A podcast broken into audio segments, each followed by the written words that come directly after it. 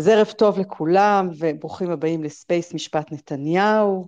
אנחנו ביום אה, רביעי בשבוע, אחרי היום הראשון לעדותו של שלמה פילבר, מי שהיה מנכ"ל משרד התקשורת לשעבר בתקופה הרלוונטית אה, לכתב האישום, ואנחנו היום נקדיש את הספייס לניתוח היום הראשון לעדות הזאת, עד מרכזי בתיק 4000, עדות, אה, עדות משמעותית, נגיד את זה ככה, ואת uh, הסבב של המשפטנים, הסבב הראשון, uh, אני אשמח אם אנחנו נפתח עם uh, התרשמות ראשונית כללית שלכם מהעדות, uh, שתיים, שלוש דקות כל אחד, לא נורא אם זה ייקח טיפה יותר, אבל משהו עדיין יחסית uh, קצר וכללי, איך כל אחד מכם יתרשם מהעדות, ואחר כך בסבבים הבאים אנחנו קצת יותר נצלול פנימה ונפתח. אז אני אתחיל איתך עם, אה, עם שחר בן מאיר, אה, תהיה אתה הדובר הראשון, איך אתה מתרשם מהיום הראשון אה, לעדות של עד המדינה פילבר. טוב, ערב טוב אורלי וערב טוב לכולם. יש הרבה מה להגיד על, ה, על העדות של פילבר, ובטח נדבר על זה עוד. אני רוצה להתייחס ל, ל, לנקודה אחת שהיא גם הנקודה אולי היותר משמעותית שהייתה, אה, אה, יהודי תירוש בשלב די מוקדם של העדות אה, הציגה לפילבר סתירות בין מה שהוא אומר באולם לבין מה שהוא אמר בחקירות במשטרה. שכמובן אפשר להגיד על פילבר הרבה דברים, אבל טיפש הוא לא, והוא הבין שברגע שהיא מציגה לו סתירות, אז uh, זה צעד אחד לפני uh, שמבקשים להכריז עליו עד עוין, ואז אפשר להכניס, גם לחקור אותו חקירה נגדית, גם להכניס את כל העדויות שלו למשטרה לתוך המשפט. הוא אמר עוד לפני זה משפט אחד uh, במסגרת אחת השאלות, שכל מה שאמרתי במשטרה זה אמת, וברגע שהוא אומר את המשפט הזה, כבר זה מאפשר בצורה כזאת או אחרת להכניס את כל העדויות שלו אה, במשטרה פנימה. בסופו של דבר, מבחינת התביעה, התביעה אה, רוצה ומצפה, וזה בעצם גם החובה המשפטית שחלה על פילבר, לא רק בגלל שהוא חתם על עד מדינה, אלא בגלל שהוא אה, אה, מתחייב לומר את האמת, וצפוי לעונשים הקבועים בחוק אם הוא לא יעשה את זה, לה, להעיד את האמת, ואת האמת הוא מסר במשטרה לגרסתו שלו. אה, אני חושב שזה היה מאוד נכון מצד אה, יהודי תירוש, כבר לחפש, או לא לחפש, אבל כבר בהתחלה לגעת בנקודות הליבה, בנקודות הליבה של העדות שלו, כי הייתה יכולה לבחור אה, לחקור אותו על, על כל מיני נושאים ולהגיע לנקודות הליבה בשלבים יותר מאוחרים, אבל היא עשתה נכון בעניין הזה, וזה בכלל, אני אומר את זה בתור, ב, ב, ב, בניסיון של ליטיגציה, אם יש לך עד או נחקר שאתה חוקר אותו, ו, ויש לך בוא נגיד, יותר מחשש אפילו, שהוא ינסה לספר סיפורים, או להגיד כל מיני דברים אה, אה, שהם לא נכונים, ושאתה יודע שהם לא נכונים, ובניגוד לאינטרס שלך במשפט, אז שווה כבר על ההתחלה להעמיד אותו במקומו.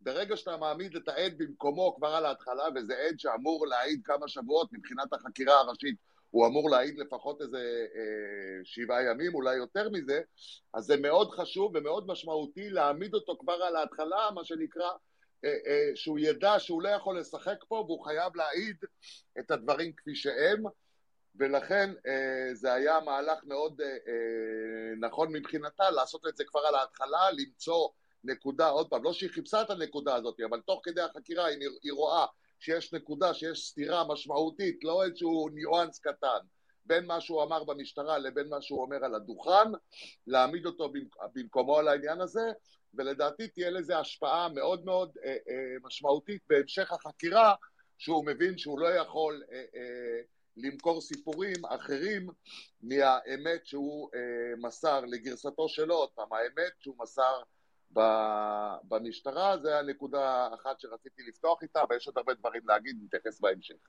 מעולה.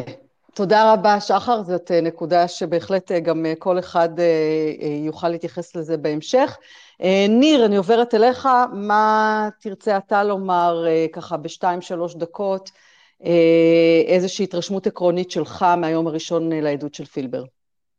אני אומר שעוד ארוכה הדרך אל האושר מבחינת היכולת לנבא את האיכות של העדות הזו, אבל אני רק אומר שאם העדות הראשית אמורה להימשך תשע ישיבות, כמו שהוכרז, ואנחנו היום ביום הראשון של העדות, כשבסופו של יום דובר על אזור חיוג של שלושה סעיפים מהותיים בכתב האישום וסיפור הרקע, לספור עשרה רענונים ואיום אחד בהגשה לפי עשר א', זה משדר ההפך מביטחון עצמי בעדות של העד, זה משדר את, את החולשה של העד.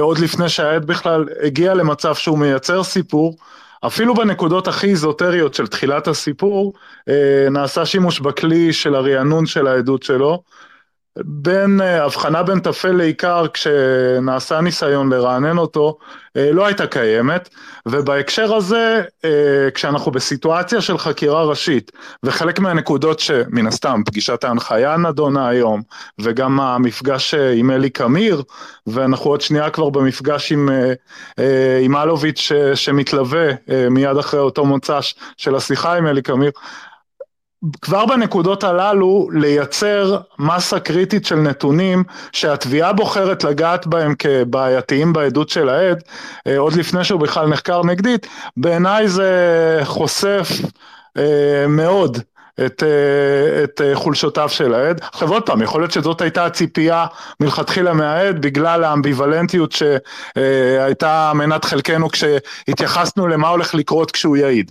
אבל עוד לפני שהיה לו צ'אנס לייצר סיפור ולהסביר את הקונטקסט שלו ולנסות לראות איך הדברים בכל זאת נאמרים, היה ניסיון ליישר אותו בכל תג ותו של האמרות שלו שהן רבות במשטרה, יש שם בערך עשר חקירות שונות שהוא נחקר, יש את הרענון שהוא עשה במשרדים של הפרקליטות, יש המון אמרות, קשה לי להאמין שבלי שבדקנו יש שם גוון אחד ויחיד שבו נשמע כל נתון עובדתי קטן בתוך הסיפור. ולנסות לרענן אותו על כל נקודה, בעיניי אני לא בטוח שזה דווקא משרת את האינטרס בלונגרן, אני מסכים שהשימוש בכלי של 10א עזר היום ליישר אותו לגבי הנקודה המסוימת הזו, ואיך אומרים, האקדח עוד מונח על השולחן, כל צד אוחז בו כפי שהוא רוצה לאחוז בו, אבל על הדרך גם העד נתן את ההסבר מדוע בחקירה הדברים נאמרו כפי שהם נאמרו, הוא וגם חוקריו עוד ירחיבו על זה. ירחיבו על זה, בדיוק. כן, בדיוק. טוב, מעולה. תודה רבה, ניר. אני רוצה בשלב הזה לפנות אליך, שמעון, פעם ראשונה אצלנו בספייס, לא כמאזין, אלא כמשתתף. שמעון שר, שופט בדימוס וצייצן שבתקופה האחרונה מצייץ הרבה בנושא משפט נתניהו ועוד. אז א', שלום וברוך הבא. ברוכים הנמצאים, אורלי. יופי שאתה איתנו. ואז אז, אני מפנה גם אליך לסבב הראשון, התרשמות ראשונית שלך, משהו עקרוני כללי שיש לך להגיד בשתיים שלוש דקות על העדות של פילבר לפני שנצלול פנימה יותר עמוק. טוב, מורי ורבי, אחרי שהנה היה פותח את דבריו בדרך כלל או באיזשהו שיר או באיזשהו מלל, אז אני הלכתי לשלום חנוך. של אדם בתוך עצמו. אדם בתוך עצמו. פילבר, כתבתי את הדברים האלה כבר לפני מספר ימים, עשה הרבה ציוצים והרבה רעשים, כאשר ברור היה לי לפחות, שמדובר באדם שהלך ולמעשה פתח את פרשת 4000, והוא הראשון שקפץ, והוא הראשון שאמור לחשוש ממה שקרה שם. אני לא הופתעתי מהדברים שנאמרו, היה ברור לי מאוד, כפי שאת תיארת את זה גם בתמצית שלך, כשתיארת את התרחשות היום, שהוא ינסה לבצע את כל אותם פעלולים ותעלולים, וגם את הגעתו של ראש הממשלה נתניהו לשעבר, שישב שם וינסו ליצור איזושהי אנדרלמוסיה שבסופו של דבר תוביל לסיטואציה שיהיה בה כדי לבוא ולהפחית את עדותו. רבותיי, אני, אני מאזין כמעט לרוב הדברים. אני רוצה לציין נקודה אחת שהיא מאוד מאוד חשובה. אנחנו כל פעם בעוד איזשהו פאזל קטן, קטן מאוד. אני לא מתלהב לא, מ, לא מעדות של יום ראשון וגם לא מעדות שהסתיימה. הפאזל עוד גדול מאוד, ויכולו ודברים יבואו וישתנו. אני מתרשם שמפילבר, אל, כנראה, כנראה, אה, אה, שהשימוש ב-10א יבוא בכל מקרה. לגבי עד עוין אני עדיין לא יודע, אבל מסתמן לי שזה גם כנראה אה, יבוא בהמשך, והעדות שלו, כפי שהיא נשמעה היום, אה, מראה אה, לפחות אה, כלפי חוץ, אני שמעתי מספר פרשנים, שפשוט הקשר שלהם למה שנאמר ולמציאות הוא רחוק, רחוק מזרח ממערב. לכן אני לא, לא רואה בעדות שלו היום איזשהו משהו בומבסטי, הוא חזר על דברים, הוא ניסה להתחכם, הוא ינסה להתחכם, וכל העדות שלו תהיינה הרבה אה, אה, מהמורות והרבה מאוד דברים שיעלו וירדו, ולכן אני אה, מציע להתייחס בזהירות. הוא פחדן okay. אוקיי. גדול, הוא פחדן גדול ולא צריך להתרגש מכל מיני עליות ומורדות שלו.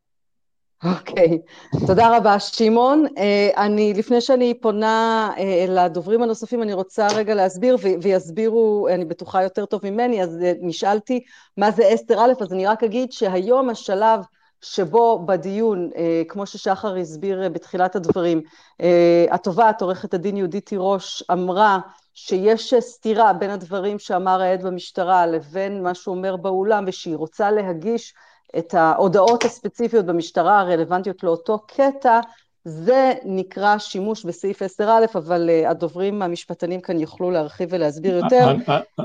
אני, אני רוצה לדבר על הנושא הזה ברשותך, אורלי, אם אפשר. אוקיי, אז בקצרה, אני, כדי שנרוץ לאחרים. אז רק הסבר קצר עכשיו, ואחרי זה נעמיק. ההסבר הוא קצר מאוד, 10א הוא חריג לעדות השמיעה. והוא נמצא בפקודת הראיות. כאשר עד סוטה מדברים שנאמרו מחוץ לכותלי בית המשפט, רשאי, רשאי, רשאית התביעה לבקש להגיש את האמירה שנאמרה מחוץ לכותלי בית המשפט, ולהציג אותה כראיה. בדרך כלל בית המשפט, ואני אומר את הדברים האלה שוב פעם מניסיון, מקבל את האמירה החוץ-משפטית כחזקה יותר וטובה יותר. יש מספר תנאים שהם אה, אה, תנאי סף כדי להיכנס למסגרת 10א, אבל הם לא תנאים כל כך מסובכים. במקרה היום, טוב עשתה התובעת, תירוש, ששלפה את הקלף הזה, אמנם לא, לא במלוא העוצמה, אבל אה, חשוב לה מאוד לדעת, וזה היה, זה החוזקה שאני מסתכל בה לגבי העדות של פילבר, שיש גם 10א, גם עד עוין, כל אפשרות לנסות ולהתחכם בסוגיה הזאת, תביא לידי כך שבסופו של דבר הכלים האלה יופעלו. אוקיי, okay, יופי. תודה, שמעון. עוד נחזור לעניין הזה, אני כבר אומרת, אה, מיד אחרי סבב אה, סיכום קצר, אנחנו נצלול יותר פנימה בנקודה הזאת. אה, אליך ירון. נורית, אני שומרת אותך כאחרונה חביבה לסבב הזה ופותחת לסבב הבא.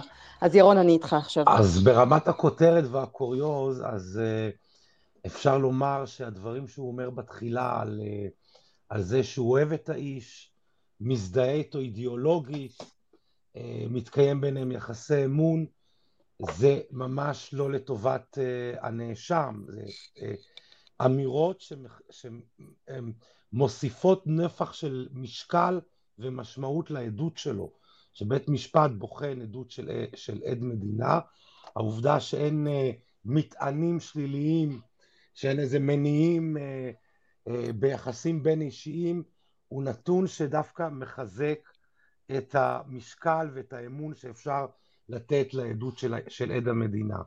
זה עניין אחד, זה, זה לא הועיל לכל התיאור של ה... שעדיין הוא אוהב אותו וזה עדיין מתקיים ועדיין זה נותן אה, לשופטים אפשרות להסתמך אה, ולתת לו הרבה יותר משקל. זה נקודה אחת.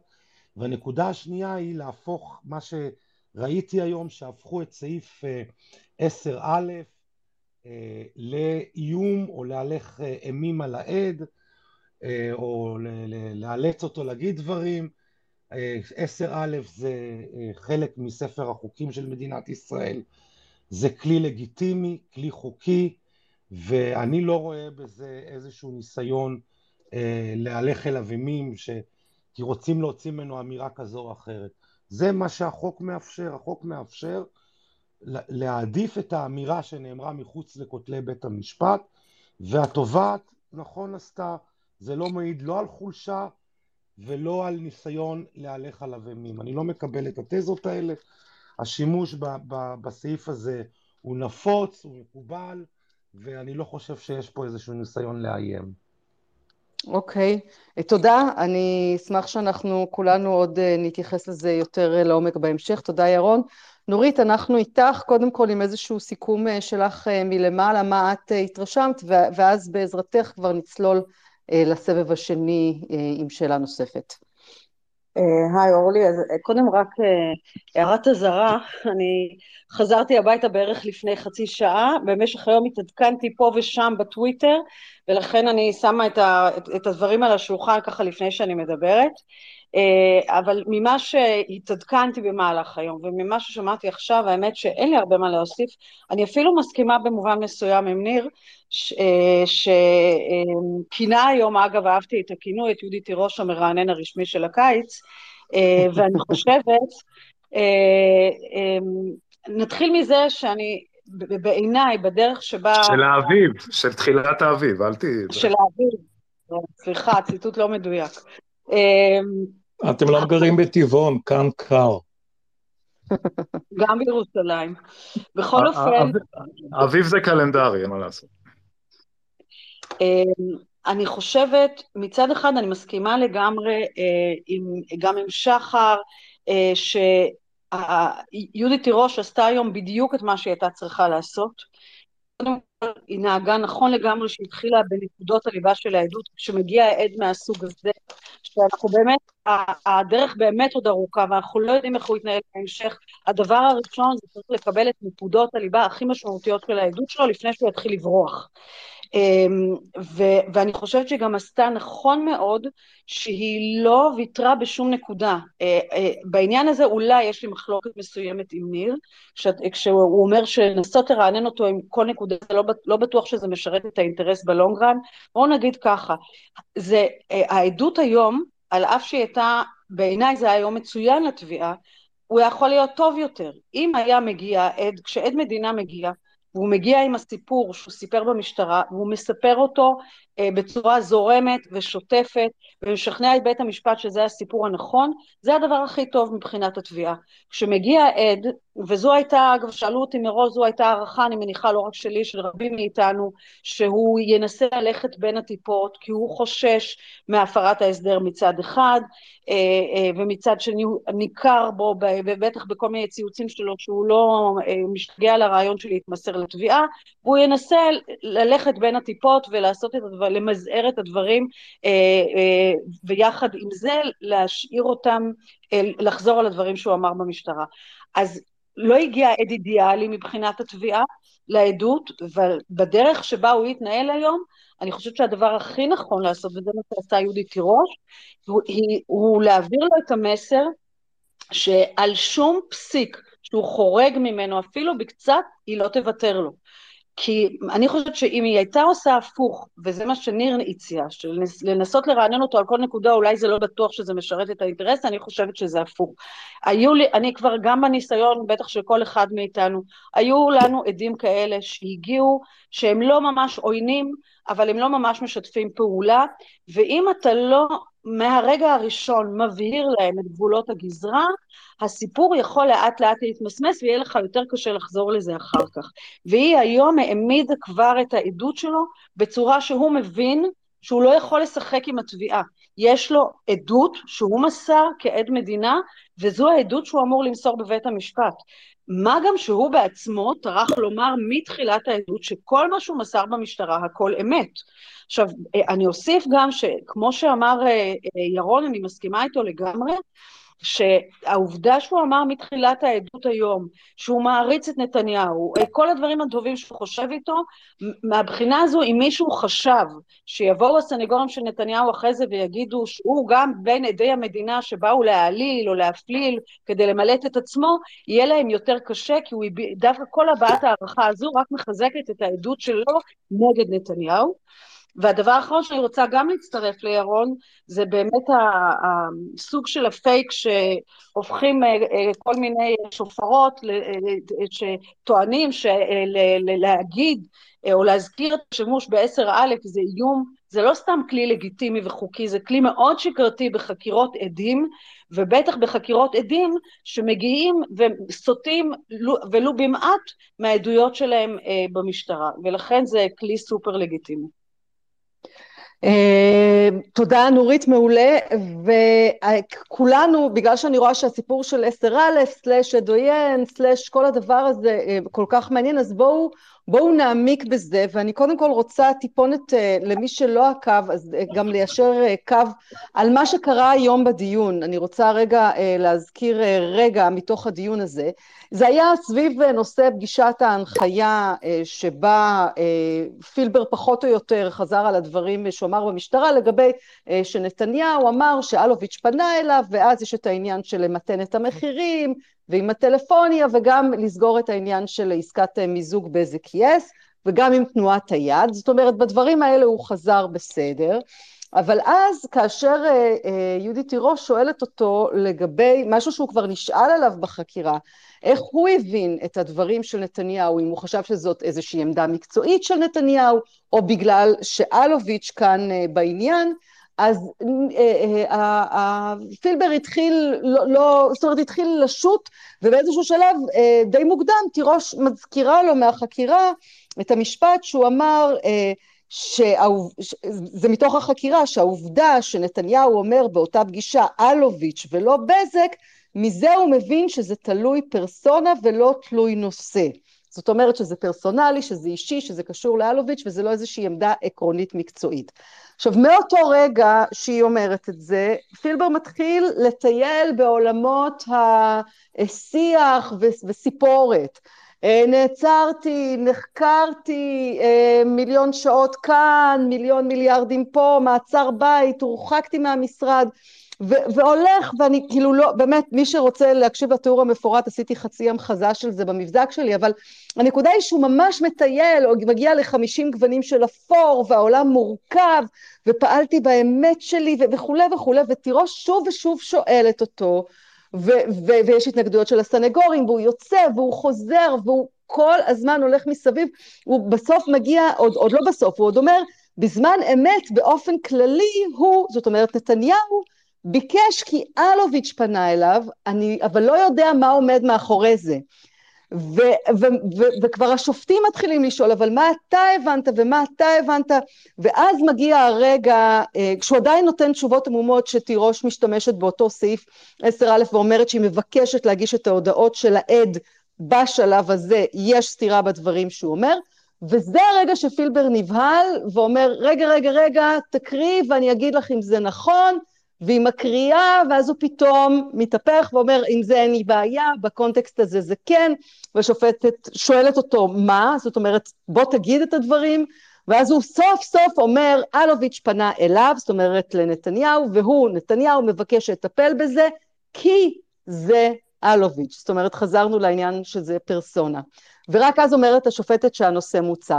עכשיו, הסיבוב הזה שכרגע תיארתי בקיצור, חזר על עצמו בעוד אירועים, אה, לפעמים בצורה יותר קטנה, אבל הסיבוב הזה חזר על עצמו. אז אני רוצה לשאול אתכם, אה, קודם כל, באיזה, יש, יש בעצם ממה שאני מבינה שלושה שלבים. יש את העשר א', ונורית, אני איתך, אני רואה שהנה, אני מוסיפה אותך. אה, אז נורית, אני מקווה שאת תוכלי להצטרף ולהיות הראשונה שעונה לי על זה. אז אני מבינה שיש דבר כזה שנקרא 10א, שזה קודם כל להגיש את ההודעות של העד כפי שהוא אמר אותן במשטרה, זה יכול להיות על חלק מסוים. יש, אני, ממה שאני מבינה, גם דבר שנקרא הכרזה על עד עוין, ואז אפשר לחקור נגדית, אבל זה עוד לא אומר שזה הפרה של הסכם עד המדינה, ויש גם הפרה של הסכם עד המדינה, שזה כאילו כבר שלב שלישי, וזה כבר יכול להתגלגל לכתב אישום, או אם, אם תוכלי להבהיר את השלבים, וגם אורלי. אם פילבר ימשיך להתנהג ככה, אם פילבר, אני, אני מגיעה לכולם, אני רק אומרת, שמעון, אני אגיע לכולם, אבל אני לא, מתחילה עם אני נורית. רוצה, אני רוצה לתקן, לא, לא, סליחה, אז, את השאלה. אז נורית, רגע, רגע, נורית תתקן לי את השאלה, אז זה בסדר, שמעון, נורית תתקן אותי. אה, אז אני א' שואלת איזה שלבים שונים יש בדבר הזה, וב' אה, אה, ככל ש... זאת אומרת, מתי יופעלו אילו שלבים? ככל שפילבר ימשיך לעשות את זה, האם הוא יעשה את זה בצורה יותר חריפה, יותר תדירה? איך, איך, איך הדבר הזה עוד יכול להתגלגל? אז נורית. טוב, הזכרת שלושה מושגים שהם קשורים כולם זה בזה, אבל הם לא בהכרח... רגע, שומעים? אה, כן. כן, אה, כן, אנחנו איתך. כן. אה, לא, כולם קשורים זה בזה, אבל זה לא איזשהו תהליך לינארי בהכרח. בואו, בוא, אה, כל אחד מתחום קצת אחר והם נושקים זה לזה. אז נתחיל ממה שגם שמעון הסביר מקודם, מה זה סעיף 10א. סעיף 10א זה סעיף בפקודת הראיות, בחוק שעוסק בראיות במשפט. והסעיף הזה אומר שאם עד מעיד בבית המשפט וטוען, סותר דברים שהוא אמר במשטרה, או טוען שהוא לא זוכר מה שהוא אמר במשטרה, התביעה, או הצד שהביא אותו, במקרה הזה זה התביעה, רשאית לבקש מבית המשפט אה, אה, להסתמך על העדות שהוא מסר במשטרה. עכשיו, בשלב הראשון, אה, בית המשפט יכול לקבל את העדות במשטרה, אבל הוא צריך גם להחליט אם הוא מעדיף אותה על מה שנאמר בבית המשפט, וזה שלב מאוד אה, אה, אה, חשוב ומהותי. זאת אומרת, זה לא רק הקבלה הטכנית של ההודעות שלו במשטרה, אלא מבחינת המשקל שניתן להם, בית המשפט צריך להחליט אם הוא מעדיף את ההודעות שנמסרו במשטרה, ובזה צריך יותר להתעמק במסגרת חקירת העד, בשאלה למה נוצר פער כזה, למה הוא מסר במשטרה את מה שהוא מסר, ולמה הוא טוען עכשיו שמה שהוא אמר במשטרה הוא לא נכון. כי בית המשפט צריך איזשהם כלים בשביל להחליט איזה משתי העדויות הוא מעדיף. זה סעיף 10א, הוא בענייני ראיות. הסעיף okay. אוקיי. האחר שדיברת עליו של עד עוין, הוא סעיף שנמצא בחוק סדר הדין הפלילי, והוא נוגע לשאלת ניהול המשפט, לדרך ניהול ההליך.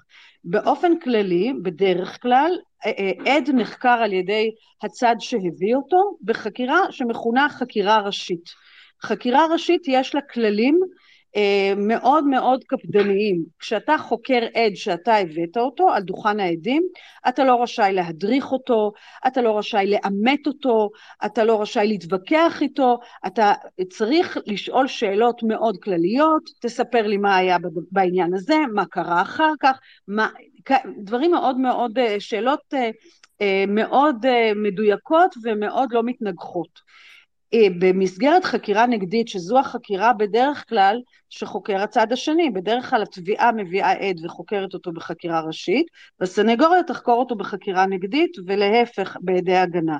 חקירה נגדית היא חקירה שבה אתה כבר יכול להדריך, אתה יכול לאמת, אתה יכול uh, לעשות כל מיני תרגילים מול אותו עד, כדי סוג של לשבור אותו, להראות שהוא משקר וכולי.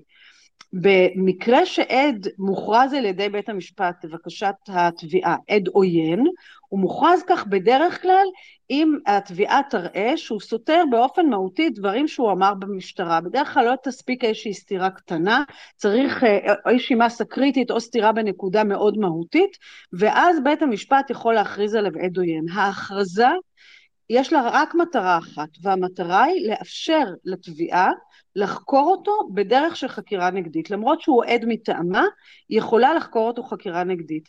לחקור חקירה נגדית זה הרבה יותר קל, כי אין לך כבר מגבלות, אתה יכול כאמור להדריך, אתה יכול להתעמת, אתה יכול אה, לנסות להראות אה, שהעד משקר, ואם העד הוא עד עוין במובן שאני אמרתי, אז התביעה יכולה לחקור אותו בצורה הזו.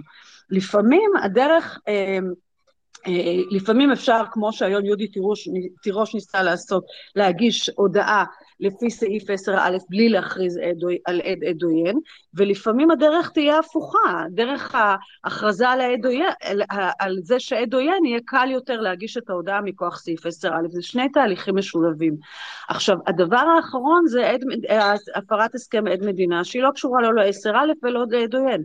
הפרת הסכם עד מדינה היא כמו כל הסכם וכל חוזה בעולם, אם בן אדם מתחייב למסור גרסה א', ב', ג' בבית המשפט, והוא לא מוסר את הגרסה שהוא התחייב, וההתחייבות בהסכם הייתה שרק אם הוא ימסור את הגרסה הזו, ייסגר לו למשל התיק הפלילי שלו, לא יוגש נגדו כתב אישום, אז ברגע שהוא מפר את ההסכם, התביעה רשאית לשקול מה, אם, אם, אם הייתה הפרה של ההסכם, לעשות את מה שמותר לה בהסכם לפי התנאים שנכתבו בו. עכשיו, אם ההסכם אומר שהתיק נגדו ייסגר או לא יוגש נגדו כתב אישום, בתנאי שהוא ימסור את כל הדברים שהוא מסר במשטרה או ימסור בבית המשפט, אז אם הוא יחזור בו מהעדות בבית המשפט, הוא בהחלט חשוף להחלטה אפשרית של הפרקליטות להגיש נגדו כתב אישום בגלל הפרת ההסכם. זה לא דבר שעושים באופן מאוד שגרתי, אבל היו, היו מקרים כבר היו מקרים שבהם הוגשו כתבי אישום, לדעתי הם אה, מעטים ביותר. אני מקווה שזה עשה קצת סדר. עשה, עשה בהחלט סדר, תודה נורית. אה, שמעון, אני מאוד, אה, גם לכולם, אני מגיעה לכולכם, מבטיחה. שמעון, אני אשמח לשמוע איך אתה רואה את הדברים, וגם וגם אה, תשובה לשאלת ההמשך, אה, מה יכול לגרום לכל אחד מהשלבים האלה להתרחש? זאת אומרת, אה, אם זה לא רק סתירה נקודתית פה או שם, איך זה יכול עוד להתגלגל בהמשך? אז שמעון, אתה מוזמן לפתוח את המיקרופון. תודה רבה. שמעתי את נורית ודברי אלוהים חיים. אני רק ברשותך כמה דגשים. כן. אה, אני, אני ראשית שאלה אינפורמטיבית, האם אה, גברת תירוש היום הגישה את האמירה? לא. לא, ברגע שהוא חזר בו, ברגע שהוא אמר, אה, ברגע שהוא אמר, רגע, רגע, תקריא לי, אני אגיד לך אם זה נכון, אז היא רק המשיכה להקריא, הוא אישר את הדברים, והיא לא הגישה. זו שאלה חשובה, כי השאלה הזאת היא מבינה ש... זאת אומרת, אומרת שלא השתמשו בסעיף 10א. נכון. אלא... לא השתמשו, זה רק, לא, הונח, רק הונח במערכה הראשונה. זו, זה בדיוק הסיפור, ולכן אני, היה חשוב לי האינפורמציה הזאת. כי האינפורמציה, אה, אה, ברגע שמונח האקדח ולא משתמשים בו, אז למעשה סעיף 10א לא, אה, לא בא לידי שימוש. אני מניח שפילבר הבין שאם הוא ממשיך לתעתע, אז יונח 10א. צריך לזכור אבל, ונורית אמרה זאת כמה פעמים, שמי שצריך לבוא ולהחליט אם מקבלים את 10א ומשתמשים ב-10א זה בית המשפט.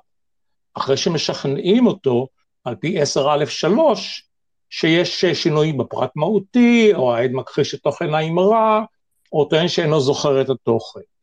אני, אה, למיטב הבנתי, ואני הבנתי, אני מקווה נכון, שסעיף 10א3 אה, ובהמשכו ב', אה, אה, לא, לא הופעל. לא לפיכך לא הופעל, לכן זה קצת איזשהו דיון שהוא בתחום התיאוריה. נכון. עכשיו אני רוצה להבהיר נקודה נוספת. סעיף 10א לא בהכרח אומר שהאדם הוא עד עוין. לא בהכרח גם אומר שיש לו איזושהי כוונת שקר. אדם לפעמים יכול, או בוא נאמר, התביעה יכולה להשתמש ב-10א כדי לבוא ולרענן את זיכרונו של עד. מה שניסו לעשות במילים כאלה ואחרות, גברת תירוש, כדי לא להגיע אולי ל-10א. היא אמרה לו, אתה לא אמרת את הדברים במדויק, אז בוא נחדד לך את זה. לכן, סיפור של סעיף 10א, ברגע שיחצה הרוביקון וישתמשו ב-10א, הדרך מכאן לעד עוין היא לא תהיה ארוכה.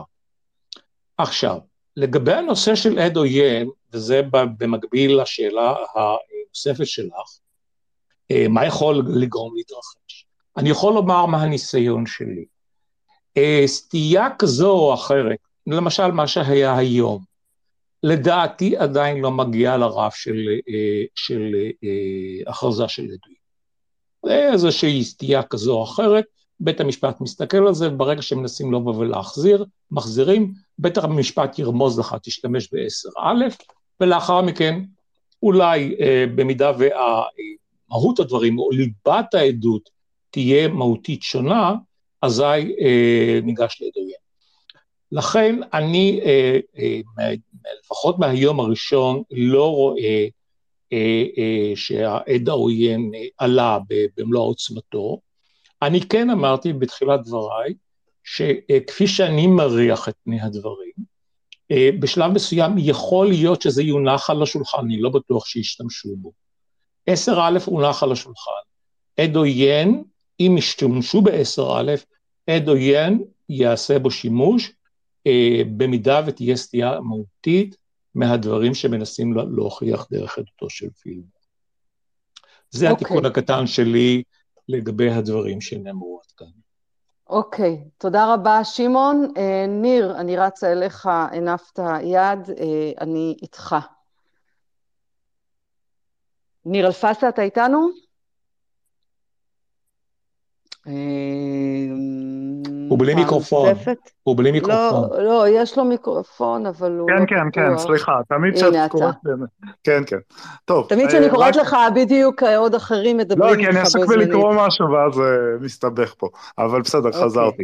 תראה, אני רוצה אוקיי. להזכיר דבר שמחריג את הסיטואציה הזו כשהיא תבוא לעולם, ואני אמרתי, זה אקדח שעל השולחן, עשו שימוש במניפולציה של 10א, זה נכון שלא הופעל הסעיף, הבנתי שהוא ביקש שיקריאו לו, ואשר על כן, אה, כשהוקרא והוא אמר אם ככה את מציגה את הדברים אז נכון, אז בעצם בסופו של דבר זה לא קרה, אה, הצדדים גם דיברו אחר כך על ההיתכנות הזו, ובית משפט גם העיר שאם מבחינה משפטית תצטבר הסיטואציה לפיה תהיינה סתירות, אז זאת אפשרות שעולה, שתוגשנה האמרות. עכשיו, אה, זה עד מדינה.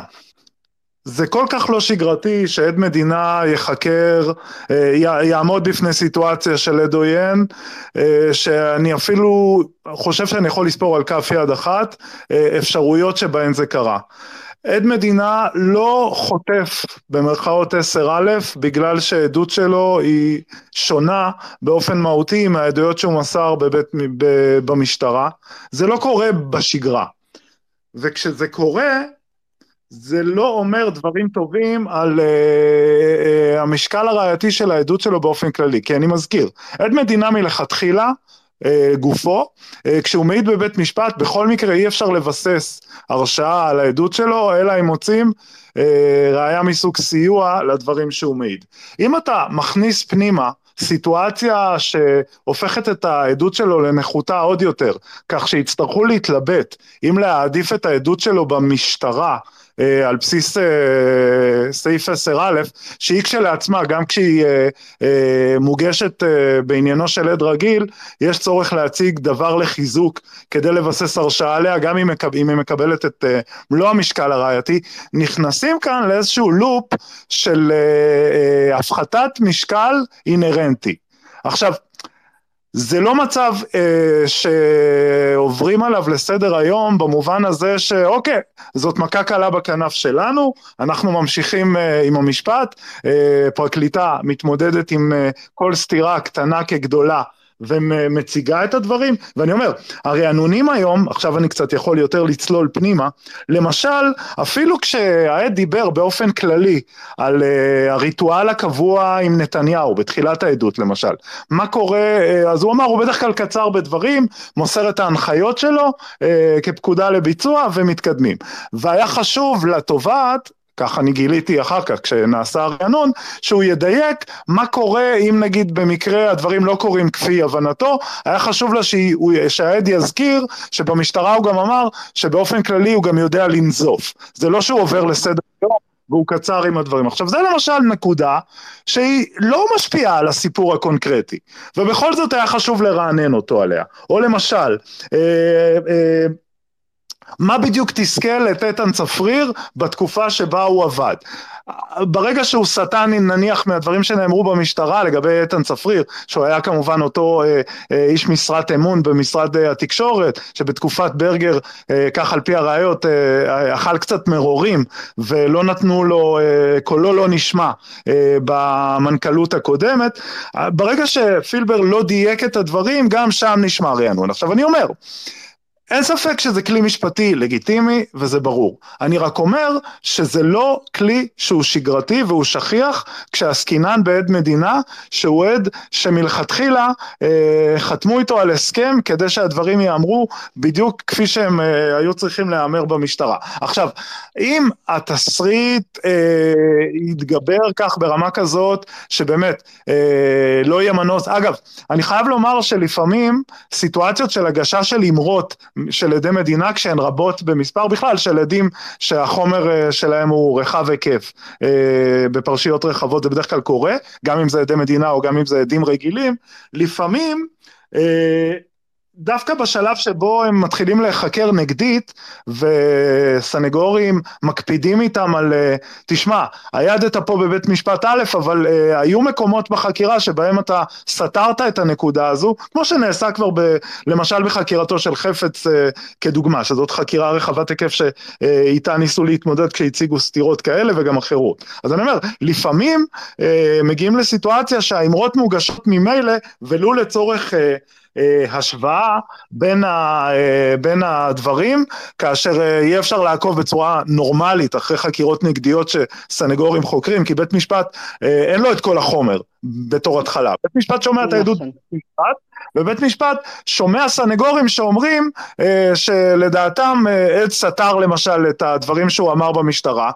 אה, לא תמיד יש הסכמה על זה, אז לפעמים כשאתה מנהל את החקירה הנגדית, יכול להיות שמסכימים אה, הדדית בין הצדדים, שהחומר כולו, שהוא לא, אה, כלומר, הוא לא במחלוקת, יוגש, ושבית המשפט ידע לעשות את ההשוואה כדי לנסות לאמוד נכונה את טיב הסתירה בסופו של יום, גם אם נגיד זה לא מוגש בהתאם לחריגים לעדות השמיעה לפי פקודת הראיות. עכשיו פה הסיטואציה שאולי תקרה, היא שכבר במעמד החקירה הראשית, אם באמת יבוא לעולם סעיף אה, 10א לפקודת הראיות, אה, האמרות תוגשנה. זה כשלעצמו בסיטואציה של עדות מדינה לא מצב שגרתי.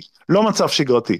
אה, אנחנו עדיין מדברים כללית, אז אני לא אצלול לדברים אחרים לגבי מה שכן נאמר היום, אבל בגדול אני חושב שהטייק שלי זה על אה, כמה זה לא שגרתי כשזה קורה בעניינו של עד מדינה, וזה רלוונטי לסוגיית משקל והעדפה, בלי כל קשר אה, לצורך של בית משפט לבחור בין אמרה שנאמרה במשטרה לבין אמרה שנאמרה בבית משפט, ושם בעצם עם ההסברים של העד לגבי הסיבה שהוא סותר את עצמו, יניחו את הדעת. יודעת, אז זה גם בכלל לא מובטח שדווקא האמרות מהמשטרה הן אלה שתתקבלנה כבעלות המשקל, בלי קשר לאם הן יכולות לבסס או לא לבסס הרשעה.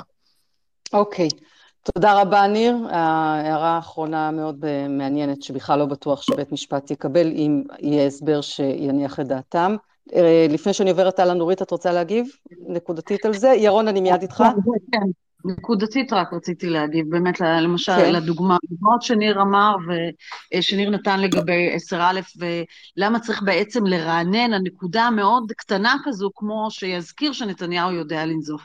אז אני חוזרת שוב, דבר ראשון, אני חושבת שחלק ממה שהיה היום היה העברת גבולות הגזרה והעברת מסר מאוד ברור אה, אה, לשלמה פילבר, מה מצופה ממנו במהלך העדות הזו, שזה צעד לגמרי לגיטימי. דבר שני, נכון שזה לא קורה הרבה, אה, להגיש ראיות דרך אה, סעיף 10א עם עדי מדינה, אבל בוא נגיד ככה, זה גם לא עדות רגילה, וגם התיק הוא תיק מאוד מורכב, ואנחנו יודעים שאנחנו שמענו גם את פילבר היום אומר ומספר על איך נתניהו מתנהל, אנחנו שמענו כבר עדויות על זה שהוא ממדר, על זה שכל אחד יודע רק מעט מתוך, מתוך כל התמונה, ניר חפץ יודע רק על חלק מסוים, פילבר יודע רק על חלקים מסוימים, ויותר מזה, הוא גם מעיד היום על איך נתניהו, המסרים שלו הם מאוד מדויקים, מאוד מדודים, מאוד קטנים, מאוד נרמזים, ולכן כל אינטראקציה שהייתה לו עם נתניהו בהקשרים של אלוביץ' היא סופר קריטית, ואני לא חושבת שהאמירה למשל,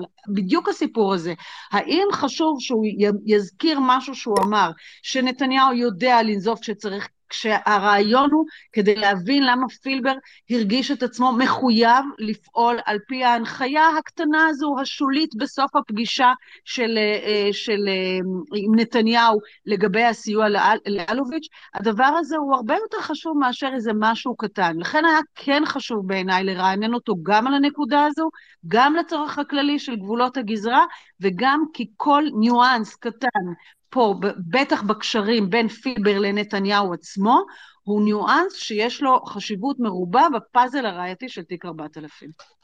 אה, אה, תודה, תודה נורית. אני, אני רוצה רק להצטרף למה שנורית אמרה. אה, צריך לזכור שני דברים, שהתיק הזה מתנהל בבית המשפט והוא מתנהל גם במישור הציבורי. וכל מילה וכל אמירה שיש בה היא חשובה ביותר, ואני חושב שהצבת גבולות הגזרה זו האמירה הנכונה ביותר שנורית אמרה. אמרו לו, אתה השתוללת ב, ב, בכל מיני כלים אחרים, אדוני, עד כאן, מכאן ולהבא, אתה תתנהג בדיוק כפי שמצופה ממך על פי אותו הסכם ועל פי אותם אמירות שאמרת. אוקיי, okay, תודה רבה שמעון אה, על הנקודה הזאת. אני עוברת אליך ירון ומיד אחר כך שחר בנקודה הזאת, ועם שחר אני גם אפתח איתך את הסבב הבא.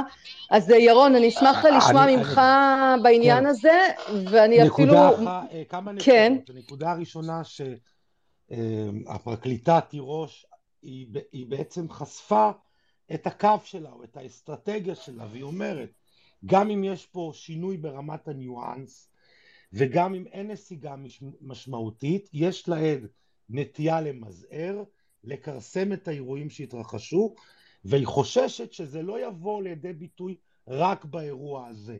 אה, אה, זאת אומרת, שם היה איזשהו שינוי בין הגרסה ברענון לגרסה בחקירה, בשיחת ההנחיה, מתי אה, נתניהו אמר תמתן את המחירים, ועשה כן. את התנועה ביד. ו- ואז אומרים לה, זה דבר איזוטרי, זה לא משמעותי, והיא אומרת, לא, אני לא צופה רק את מה שקורה כרגע, יש לי חשש שיש פה כיוון. שזה יחזור, ולכן כן. ולכן אני מחזירה את, אני מתעקשת על כל דבר כזה, כי אני רוצה להחזיר את הרכבת לתוך המסילה, מתוך התייחסות שהרצף צריך להיות על המסילה ולא חורג אה, אל מחוץ למסילה. אז היא אומרת למה היא נוהגת כפי שהיא נוהגת. הנקודה השנייה שמקודם אמרנו שהתפיסה של אה, האמירות על 10א ועד עוין הם איומים על העד וזה כביכול נאמר מחוץ לכותלי בית המשפט. אני חייב לתקן שהסנגורים אומרים את זה. הסנגורים אומרים, התובעת ברגע שהיא אה, מתחילה אה, לראות אם יש פה צורך בהגשה לפי 10א, אומרים, את מאיימת על העד. נכון, לא, לא, שיהיה ברור, זה נאמר בבית המשפט, לא כן. על ידי השופרות, זה נאמר בבית המשפט, והגדירו את זה באיזשהו שלב כפיל בחדר, וממש, כן. אה, השופטת הייתה צריכה להגיד שלא מדובר בשום איום, מדובר בכלים על פי חוק שהתביעה יכולה לעשות בהם שימוש, כאילו השופטת הייתה צריכה להרגיע.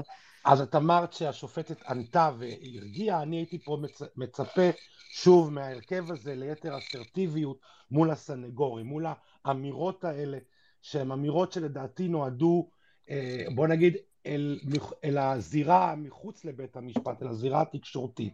הייתי פה מצפה שהשופט, שהשופטים יבהירו שהשימוש הוא לגיטימי וזה דבר שהוא אה, אה, מקובל ולא לא צריך לראות בזה איום. והנקודה האחרונה זה שאלה שעלתה פה וזה עניין המשקל. יש פה איזה ניסיון לבוא ולצייר, אם היו מגישים אמירות מסוימות ב-10א זה היה פוגע באמינות שבית המשפט מייחס לעד, אבל, אבל אנחנו צריכים להבין שכמו שנאמר פה, בית המשפט הוא זה שמכריע איזה אמירה להעדיף. ופה חשוב ההסבר של העד, למה הוא מצ... הציג היום בנקודות מסוימות תמונה אחרת. אז נכון שלא נעשה הלכה למעש... למעשה אה, שימוש ב-10א, אבל אני יכול להמחיש את הדברים. אה, השינוי היה לגבי השאלה איך הוא תפס את ההנחיה, האם, האם ההנחיה של, של, של נתניהו נועדה להטיב עם אלוביץ' או להטיב עם העניין. ואז היא מחזירה אותו באמת, לה, היא מקריאה לו והוא חוזר ואומר שהוא הבין בזמן אמת שזה נועד להטיב עם אלוביץ'. והשינוי בגרסה על הדוכן נובעת מהעובדה שאחרי שהוא אה, התייחס למה הוא הבין הלכה למעשה בזמן אמת, הוא קרא פרשנויות, הוא קרא, הוא אה, קרא את הדיווחים על העדות של אה, ניר חפץ, והיום הוא הגיע למסקנה, או רואה את הדברים בפרשנות אחרת. אז ברור שבנסיבות האלה בית המשפט לא התעניין מה הוא הבין בדיעבד אחרי שהוא קרא פרשנויות בתקשורת. מעניין את בית המשפט מה קרה בזמן אמת. וברור שיש פה העדפה לאמירה שלו שמתייחסת לזמן אמת, ולא לדברים שלו על הדוכן, שהוא עצמו מסביר אותם בפרשנות. הוא אומר, אני ככה היום, אחרי שאני יודע יותר דברים, אחרי שנחשפתי לצד ש, של ניר חפץ ולאמירות שלו, אני מבין. בית המשפט לא התעסק בשאלה הזאת, הוא התעסק האם בזמן אמת, הלכה למעשה, תוך כדי הפגישה, תוך כדי הפעילות, תוך כדי האירועים בזמן אמת, האם אתה הבנת שמדובר בהטבה אישית לאלוביץ', ואת זה הוא אומר. הפרשנויות שלו, עם כל הכבוד, לא מעניינות את בית המשפט היום. מעניין מה קרה בעת ביצוע העבירות, לא בדיעבד. וזו נקודה שמה שאומר שאם העד מסביר שינוי בגרסה בדברים מאוחרים לאירועים, בוודאי שיש פה עדיפות לאמירות שנאמרו לגבי זמן אמת, ואין שום פגיעה במשקל אם האמירה הזאת מוגשת באמצעות 10א והוא לא חוזר עליה לדוכן. אז זה חשוב לציין. מעולה, תודה רבה ירון. אה, שחר, כן, אני עוברת אליך. ניר, רצית להעיר משהו? כן, אני רק רציתי להעיר שהשיחה היא לא על עד רגיל. הוא על עד מדינה שמראש מוחזק כעדות שמשקלה נמוך יותר, וכשאתה מכניס פנימה עוד סעיף שגם כן מוריד את המשקל, כל, ה, כל הנוסחה משתנה. אז אוקיי, בית משפט יעדיף, אבל הוא יעדיף שליש של שליש של עדות מאשר אה, עדות אה, בעלת משקל מלא ולזה יש משמעות בשיח הראייתי אה, על כל המשתמע. עוד בלי שהתמקדנו בכל אירוע ואירוע שאותו יצטרך להסביר אה, ולהחליט ואז יצטרכו להחליט אם ההסבר מתקבל או לא. מראש הסיטואציה הזו היא סיטואציה חלשה ראייתית. זאת הסיטואציה. כן, אבל אני חייב, אני חייב אה, ברשותכם, כן, להעיר ש... הוא, הוא צריך להסביר, אם ההסבר שלו בזמן אמת, מה שאמרתי במשטרה התייחס באמת למה שהבנתי בזמן אמת, ועכשיו השינויי ניואנסים הם תוצאה של פרשנות על סמך דברים שנודעו לי בשלבים הרבה יותר מאוחרים, הרבה יותר אה, אה, חיצוניים לאירועים בזמן אמת. אין, אין פה בכלל ספק שהמשקל שיש לאמירה שנאמרה במשטרה הוא משקל, העדפה היא ברורה, ולכן כל סטייה כזאת היא לא העד רק סוטה היום ויש שינוי בין מה שהוא אמר אה, במשטרה לבין מה שהוא אומר על הדוכן. גם הוא נדרש להסביר את השינוי, והסברים כאלה שנעוצים בפרשנות מאוחרת, לא, הם חסרי משמעות אה, לגבי הדברים שהוא אומר על okay. אוקיי. הדוכן. להפך, הוא סוגר את הגרסה שלו במשטרה. זה מה שאני okay. הבנתי תוך... לא, זה לא, מה שהוא, זה לא מה שהוא אמר, אבל לא משנה. זה הוא אמר, הוא אמר משהו אחר. ההסבר שלו היה אחר. לא, אה, היו כמה דברים, היו כמה רגעים, היו כמה רגעים כאלה. היו כמה רגעים שונים כאלה בכמה נושאים, אז היו הסברים שונים לגבי רגעים שונים. אבל אה, הובנה נכון, הנקודה נכון. העקרונית, אבל הובנה הנקודה העקרונית, אה, וזה כן רלוונטי, הנושא של פרשנות מאוחרת. תודה, ירון, ואני עוברת אליך, שחר, וא', אם אתה יכול עוד לפני שאתה נותן את נקודת מבט שלך על כל הסיפור של 10א, עד עוין, הסכם עד מדינה וכל הדברים האלה, ומה הסיכוי ש, שיעשה שימוש ב, במשהו מהכלים האלה. אה, גם שואלים אותי כאן, האם אפשר להכריז על עד עוין גם בשלב של חקירה נגדית? זאת אומרת, נניח שהוא צולח את החקירה הראשית, והוא לא יוכרז עד עוין, אבל לא, אז לא, בחקירה לא, הנגדית לא, נהיה בלאגן. לא, לא, חוזרת, לא. חוזרת. רק בחוזרת, אוקיי. תודה, לא. אבל אני שואלת את שחר, חברים, שחר יודע גם אה, להגיד לי דברים, לא, שח, קדימה, שחר. שחר יודע, אבל המהות של, של, אה, של הכרזת עד עוין זה מי שהזמין אותו לעדות. אין בעיה. זה, תודה, זה תודה, תודה, שמעון, תודה רבה, שמעון, שחר אליך. טוב, אה, לפני שאני אתייחס לנקודה, אני רוצה רק לדייק משהו שנורית אמרה, אולי היא לא, היא, היא אמרה את זה ב, ב, בלי ל, לשים לב, כש, כשחותמים עם, אה, עם אה, אדם על הסכם עד מדינה, הוא לא מתחייב להעיד א', ב', ג', הוא מתחייב להעיד את האמת. ובהסכם הוא אומר גם, כל מה שאלתי במשטרה, או אולי כל מה שאני אעיד במשטרה אחרי חתימת ההסכם, כי אני קודם שיקרתי, זה אמת. זאת אומרת, התביעה לא בונה לעד אה, גרסה שהוא מתחייב אליה, אלא הוא מתחייב כלפי התביעה להעיד את האמת, והוא אומר בהסכם, מה שאלתי במשטרה זה אמת. אז זה לדייק את זה, כי עוד מישהו יכול היה לחשוב ש... מהדברים שנורית אמרה, שהתביעה בונה לעד גרסה והוא צריך להיצמד אליה בבית המשפט.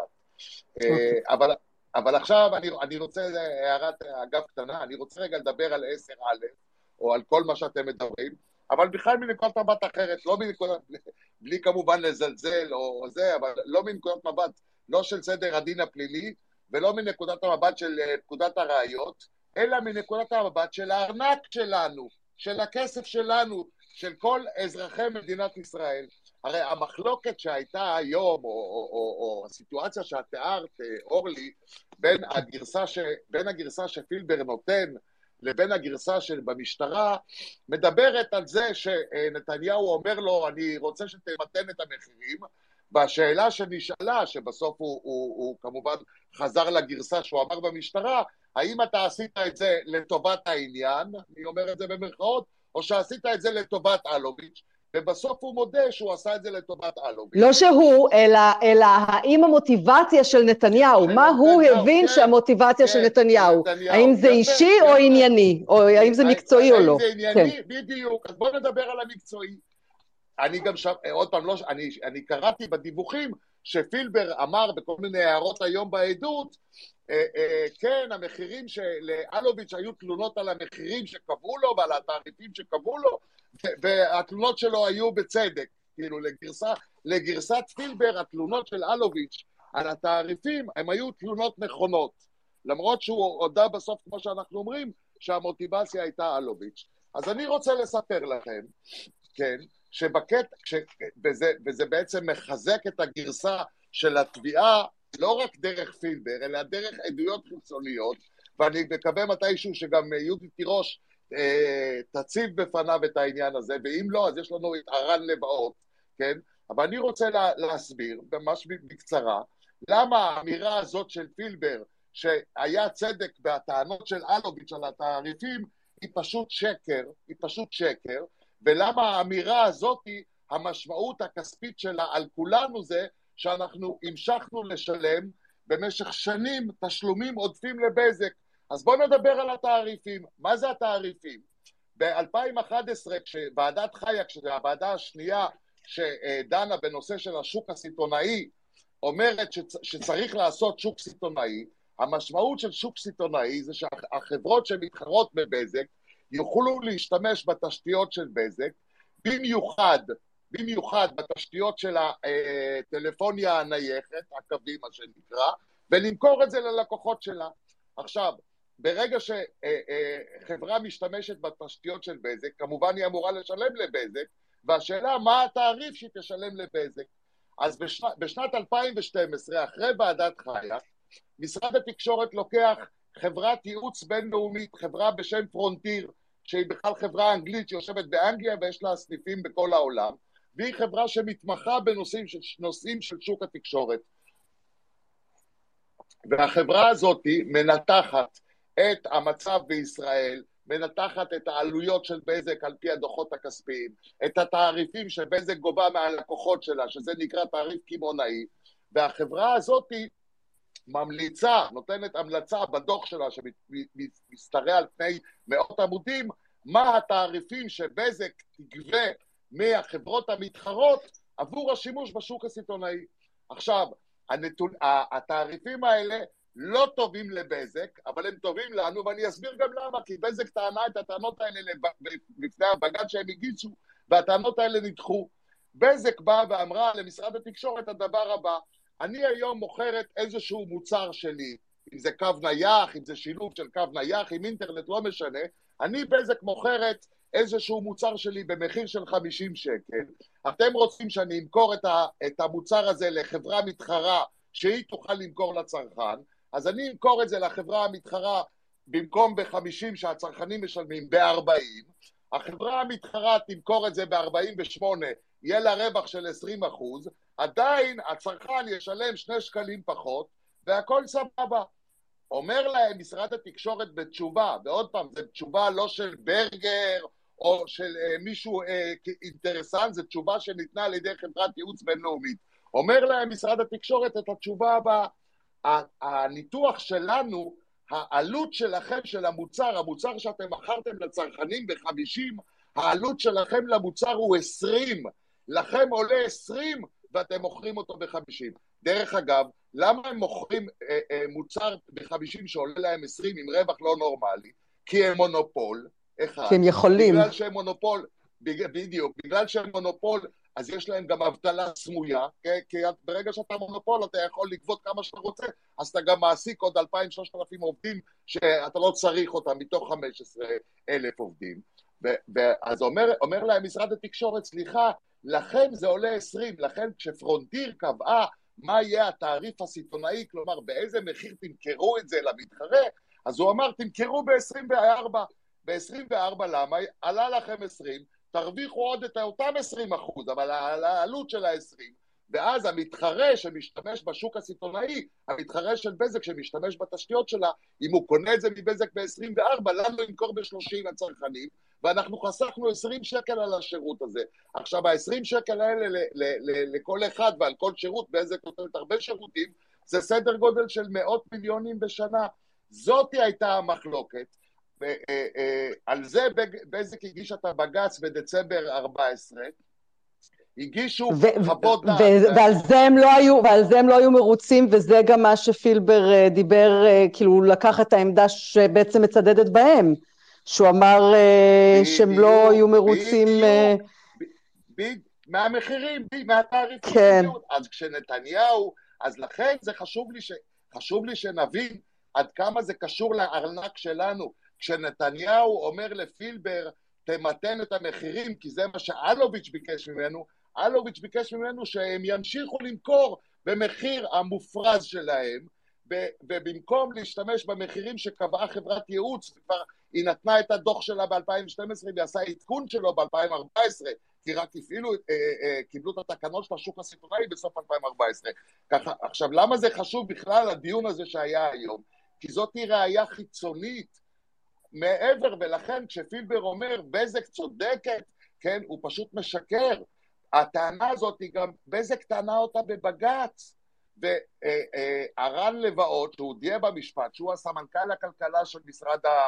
משרד התקשורת, הגיש אה, אה, עוד, במסגרת הודעת עדכון שהגישו לבג"ץ במאי 2015, ממש כמה שב... חודש לפני שפילבר נכנס לתפקיד, הוא מפרט בחוות דעת שלו, שהוגשה לבג"ץ ב-33 עמודים, בדיוק את כל אחת מהטענות של בזק, כולל הטענה שאמרתי כרגע, שהם רוצים בעצם להמשיך להרוויח את הרווח המופרז שלהם מה, מהקמעונאי ולא ללכת לסיטונאי.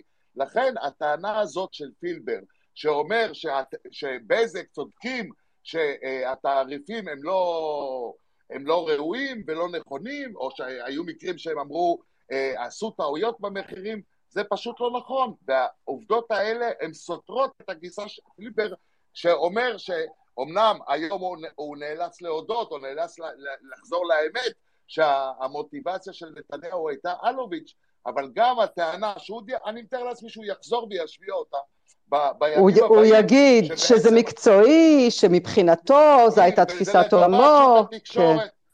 בדיוק, אז אני, אז אני אומר לך, אורלי, אני אומר פה לכולם, חד משמעית, זה פשוט אה, אוסף של שקרים שסותרים אה, אה, ראיות ברורות שהיו בידי משרד התקשורת כבר ב-2012 לגבי מה צריכים להיות התעריפים של השוק הסיטונאי.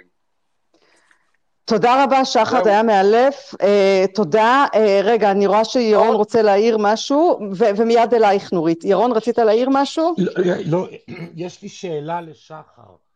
רגע, לא שומעים אותך טוב, תהיה, תהיה יותר קרוב לווי-פיי או משהו. אתם שומעים אותי?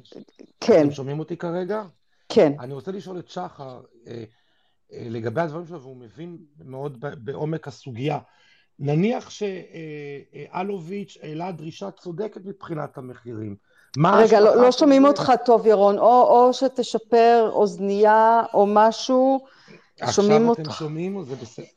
לא, עכשיו שומעים אותך מתכתי, מתכתי, אתה צריך לעשות איזשהו שינוי.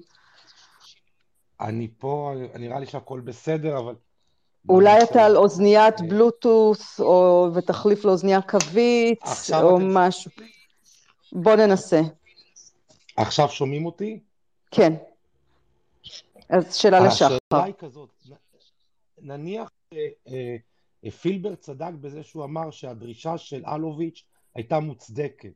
מה ההשלכה של זה על, על עבירת השוחד אם אני מוכיח שהפנייה של הנאשם הייתה על רקע דבר שהוא קיבל? ואם הוא לא היה מקבל תמורה לזה, הוא לא היה פונה, הוא לא היה מתערב בזה. אז איך, מה ההשלכה שלה? האם זה צודק או לא צודק שאלת המחיר, או, או הפגיעה באינטרס הציבורי, מבחינת הפגיעה בציבור הישראלי. אם למשל אני איש ציבור ואני מקבל מעטפות של כסף ואני מפעיל את הסמכות שלי במשהו שהוא אה, ניתן לאשר אותו, הוא לא לא חוקי, אבל אני פעלתי כי קיבלתי תמורה על זה. אוקיי. Okay. ברור שבעבירת השוחד, זה ברור, זה ברור שבעבירת השוחד איש הציבור אם, אם, אם הוא קיבל שוחד, זאת אומרת מישהו נתן לו כסף, ניקח את השוחד האלמנטרי, אם מישהו נתן לו כסף לצורך קבלת החלטה והוא קיבל החלטה למרות שהוא היה מקבל אותה גם בלי הכסף, זה לא משנה, זה שוחד, כי, כי ההחלטה התקבלה במסגרת זה שנתנו לו, אה, נתנו לו משהו עבור מילוי תפקידו, אבל מה, כל מה שאני רציתי להדגיש בהקשר הזה, שגם הטענה שפילבר התחיל להשמיע אותה היום וישמיע אותה בהמשך, שאפילו שנתניהו ביקש ממנו שיעזור לאלוביץ' מהאינטרסים של אלוביץ' ולא מהאינטרסים של שוק התקשורת, ואז יגיד פילבר, למרות שמבחינתי מה שעשיתי היה נכון לשוק התקשורת, אז אני אומר שזה גם לא היה נכון לשוק התקשורת וזה פגע בצרכנים. אוקיי, okay. תודה שחר. נורית, רצית להעיר משהו. אני רק רציתי להגיד, קודם כל, תודה לשחר על החידוד בעניין הסכם עד המדינה, אבל אני רוצה להבהיר כשחותמים עם, עם עד על הסכם עד מדינה, זה לא שהתביעה אומרת לו, תגיד אמת, ואז נסגור לך את התיק. כי אחרת כל אחד יכול לבוא ולהגיד, אני, זו האמת, זה מה שאני, אני התחייבתי, עכשיו זו האמת שלי, ותסגרו לי את התיק. לכן, הבדיקה הזו נעשית לפני שחותמים איתו על הסכם עד מדינה. וכשחותמים איתו על הסכם עד מדינה, המדינה כבר יודעת בקווים כלליים לפעמים, בקווים לפעמים יותר ספציפיים, מה הוא עומד להגיד. לכן, כן, כשהוא מגיע לבית משפט, כן, יש כבר עדות שמצפים ממנו לומר, לא סתם מצפים ממנו לומר את האמת. כמובן שכל זה בהנחה שהמדינה מאמינה לגרסה שהוא מוסר בהסכם עד המדינה. זה ברור שאין שום כוונה שהתביעה פשוט תבנה, תתפור לו איזושהי עדות שמאוד נוחה לה, ולכן, והיא תרצה שהוא יגיד אותה. הכל בא ממנו, גם הגרסה הראשונה, אבל ברור שבהסכם עד המדינה הציפייה היא שהוא יספר את הדברים שעל בסיסם נחתם איתו הסכם עד המדינה. אוקיי, okay, תודה נורית, ואם אנחנו כבר איתך אז בואי נמשיך איתך, אני רוצה uh, עכשיו לקחת אותנו רגע לפרט uh, בנושא אותה פגישת הנחיה, שהיא שוב, היא, היא, היא נקודה מכריעה בסיפור הזה מבחינת הממשק של פילבר ונתניהו ובזק, זה גם סעיף 64 בכתב האישום, ובעצם פילבר בחקירות שלו במשטרה דיבר שבאותה פגישה נתניהו אומר לו, אלוביץ' פנה אליי, תמתן מחירים, תעשה בטלפוניה, תסגור את עסקת מיזוג, ופלוס תנועת היד עם המיתון מחירים, זה מה שאנחנו יודעים. אבל ברענון נוסף פתאום פרט חדש, וברענון פתאום פילבר חידד איזשהו עניין שלפיו זה נאמר כבר כשבדרך החוצה, לקראת סוף הפגישה, כשנעמדנו, זאת אומרת, משהו שהוא כאילו לא חלק, לא פגישה שלמה, ישבנו ודיברנו רק על זה, אלא היום תירוש התייחסה לזה והיא הגדירה את זה שכאילו נעשה איזשהו ניסיון להקטין מהאירוע. וראיתי גם בקרב השופרות איזושהי התייחסות של, אה, הוא זרק לו איזה חצי משפט לדקה, זה לא נחשב. זה לא הנחיה, זה, זאת אומרת, כאילו יש פה איזשהו ניסיון, ואני רוצה בעצם לשאול, אה, להתחיל איתך נורית, האם יש בתוספת הזאת שהוסיף פילבר פתאום לרענון, האם יש בזה כדי להכות מעוצמת האירוע, מעוצמת ההנחיה, גם אם זה נמשך רק אה, שתי דקות אה, ולא, לא יודעת, שעתיים, או, או שהדברים עומדים בכל מקרה גם עם הניואנס הזה?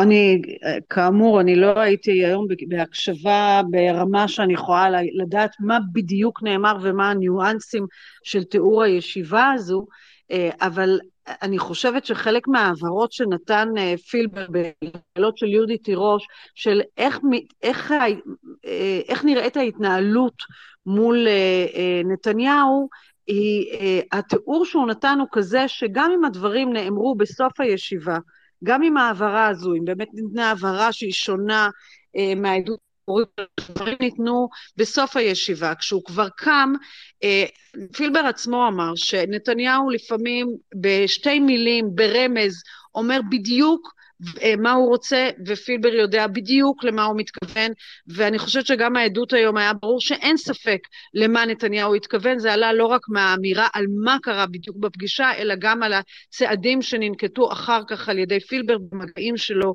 עם אה, אלוביץ' ועם אה, אנשי בזק, ולכן אני, שוב, על הניואנס עצמו קצת יותר קשה לי אה, להתייחס, אבל אני חושבת שמהעדות עלה במפורש שזה לא איזושהי אמירה אגבית שלא היה לה משקל, היה לה משקל מאוד משמעותי מבחינת פילברג, גם, וזה ניכר במהלכים שהוא עשה לאחר הפגישה.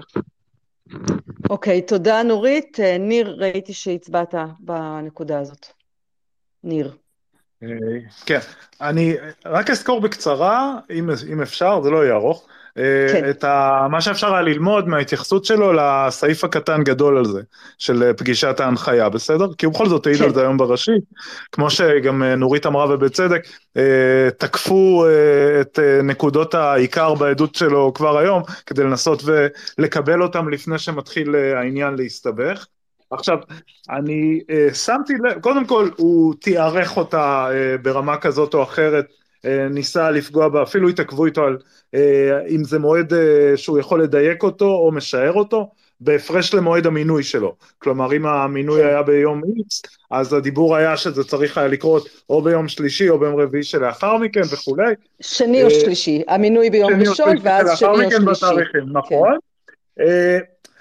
הוא התחיל לנאום על כל הנושאים שלא היו מעניינים את התביעה בפגישה. הוא כלומר התחיל לדבר על השיחות שלו עם דוד שרן בפגישה, על מכתב שהיה חשוב לו להראות וכולי, ואז הוא קיבל הערה לסדר, אה, אה, כן, לא באנו ללמוד על נטפליקס.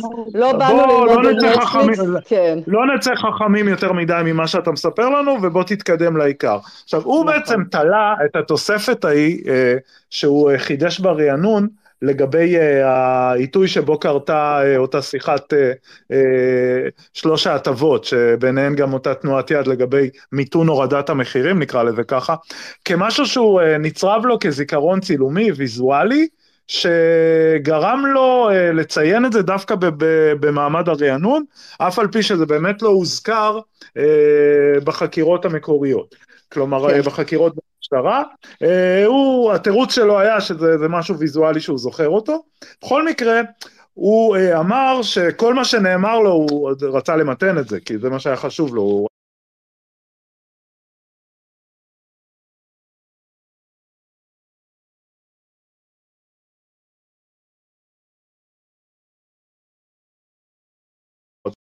לרכך את האמירה הבוטה, אמר, בכל מקרה מה שנאמר שם לא היה חדש לי, ואני גם מעיר שלא הייתה לי שום כוונה, בסופו של דבר לא עשיתי את כל מה שביקשו, פרסונה ולא דווקא עם בזק, כי זה דבר שנכון לסיטואציה, עם אותו איום על 10א.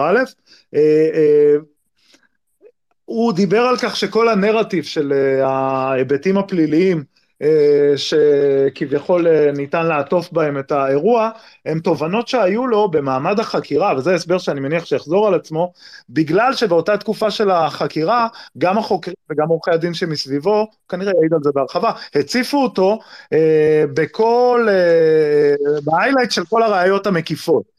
התכתבויות ישועה, האמירות שמסביב היה ברור שנרקמה כאן עסקת שוחד, ובהקשר הזה, כשהוא היה צריך לבחור גרסה במשטרה, הטענה שלו הייתה זה שהוא נתן, צבע את הדברים בצבע כמו שכתב האישום צובע אותם היום, לימים כשהוא התנתק מהסיטואציה, אה, נניח כמו היום, הוא אה, יכול להסביר שבאותה נקודת זמן הוא הסביר את הדברים בקונטקסט מפליל, בגלל שזאת הייתה תמונת העולם שהחוקרים כמו רוטוויילרים צבעו לו והכתיבו לו ולא נתנו לו שום אלטרנטיבה חוץ מאשר האלטרנטיבה שמדבר עליה כתב האישום. אני מניח שזה צפוי להיות ההסבר שלו לגבי אה, אה, הסיבה שבגללה נבחר דווקא הנרטיב הזה.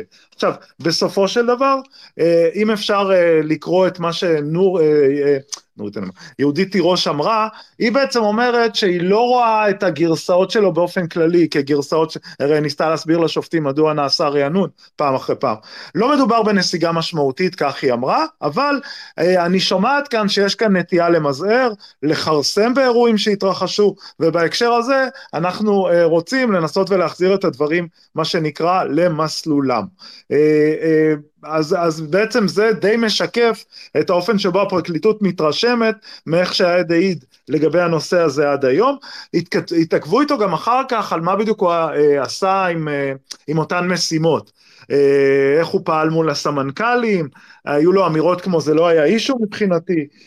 כשניסו לברר איתו אם היה לו באמת איזשהו צ'אנס בסופו של יום אה, לעשות משהו אחר חוץ מאשר אה, אה, להיטיב עם בזק, אה, אם הייתה לו באמת אלטרנטיבה, אז הוא דיבר על זה שבזק היו עם עודף כוח אה, בסיטואציה, הם ידעו את הדברים, ולכן לא הייתה באמת אלטרנטיבה, אבל אז הגזר שהוא בעצם נתן להגנה, זה שהוא אה, מבחינתו, העדות שלו התייחסה לתקופה של קדנציית אה, צחי הנגבי, ולא דווקא לנקודת זמן שהיא הייתה קרובה בזמן לפגישת ההנחיה וכולי, אז בעצם זה מין, יש צעד קדימה, אחר כך נעשה מצידו איזשהו צעד אחורה, אני מסכים שלב האירוע ניתנה לגביו עדות בבית משפט, המשפט, אבל כשאתה מקשיב אה, ברוב קשב אתה מבין שאת ההסברים ואת הדקויות הוא עוד ייתן לגבי הסיבה שבגללה זה נאמר כך ולא אחרת.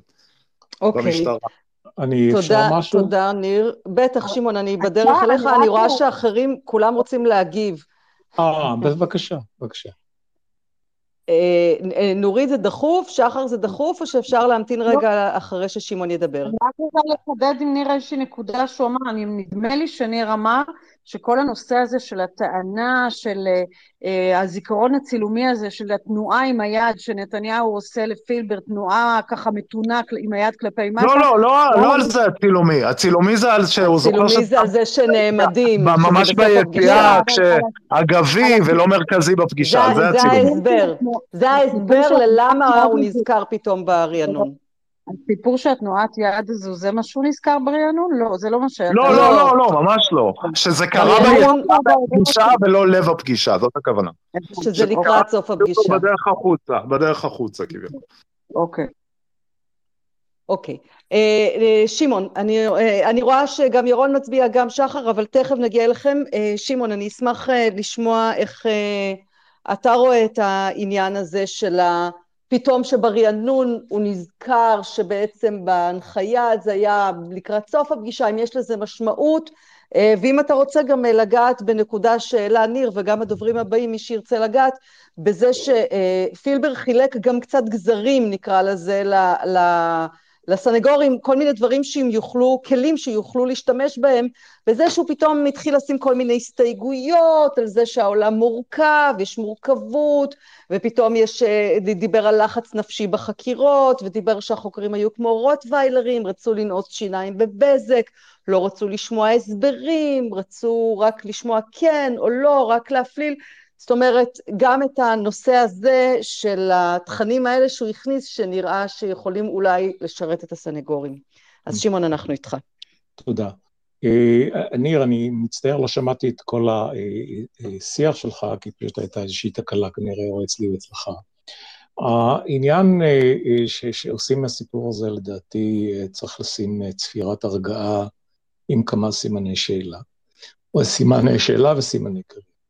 אני לא רואה בסיפור הזה, וכל משפטן בר דעת, ואני אומר זאת, אמרתי, גם כמי שהיה צריך לבוא ולהעריך עדויות, עדות שהיא מושלמת היא עדות גרועה. ודווקא העובדה שאדם אומר איזושהי, בהטיה מסוימת מהעדות הראשונית שלו, אני לא הייתי עושה מזה סיפור גדול יתר במידה. אני שמעתי את הנושא של ההסברים, צריך להבין שבתי המשפט, עם כל הכבוד להסברים של העדים, ההסברים של העדים זה לא מעניין דבר וחצי דבר, ומי שקובע בסופו של דבר זה רק המערכת העובדתית שבתי המשפט מזקקים אותם, והמערכת העובדתית הזאת משמשת אותם להכרעה. לכן הדבר הזה לא הפתיע אותי, הוא אגב עלה מספר פעמים כבר לפני כן, דיברו עליו, ואני לא רואה בו איזושהי הפתעה מיוחדת. לכן אני שם לעצמי צפירת הרגעה, ואני אומר, אמר, אמר, אני לא מייחס לזה חשיבות רבה מאוד. לגבי הנושא של הגזרים, אני לא הייתי קורא לזה גזרים, אני הייתי קורא לזה עמי ותמי. איך היית קורא לזה? לא שמעתי. עמי ותמי. הוא נותן להם ככה שברירי שוקולד כדי להוביל אותם לכל מיני מקומות שהוא חושב שהם צריכים להגיע. חברים, העדות של פילבר תימשך בצורה הזו, היא תהיה כזו שהיא, כמו שתיארו אותה פה, פעם קדימה, פעם אחורה, אבל במהותה, בחוט השדרה, כפי שאני רואה, נסגרו הרבה מאוד אלמנטים כבר לפני כן, והדברים ש... שהוא מציין באותם גזרים, אותם פתיתי שוקולד שהוא נותן להגנה, הם לא מפתיעים, ההגנה הייתה גם עולה על זה, גם ללא צורך באמירה כזאת של פילבר. מי שחושב, אני אומר את הדברים האלה בזהירות רבה מאוד, שפילבר מסתובב עם כל מיני אנשים שקשורים למשפט בדרך כזו או אחרת, והוא יושב רק ושותק והם רק שומעים אריק איינשטיין, לא, זה לא כך. אז ההערכה שלי שיהיו עוד הרבה דברים כאלה, זה היום הראשון, ולכן לא אופתע אם הוא יזרוק עוד גזרים, עוד שוקולדים, עוד כל מיני סוגיות כדי לנסות ולסייע במרכאות או לא במרכאות להגנה, אבל ליושבים בדין יש את השכל הישר לבוא, ו, לבוא ולעבור את המוץ מן התבן ולבוא ולהגיד חברים, מובן, ידוע, להירגע, לא צריך להתייחס לזה יותר מדי.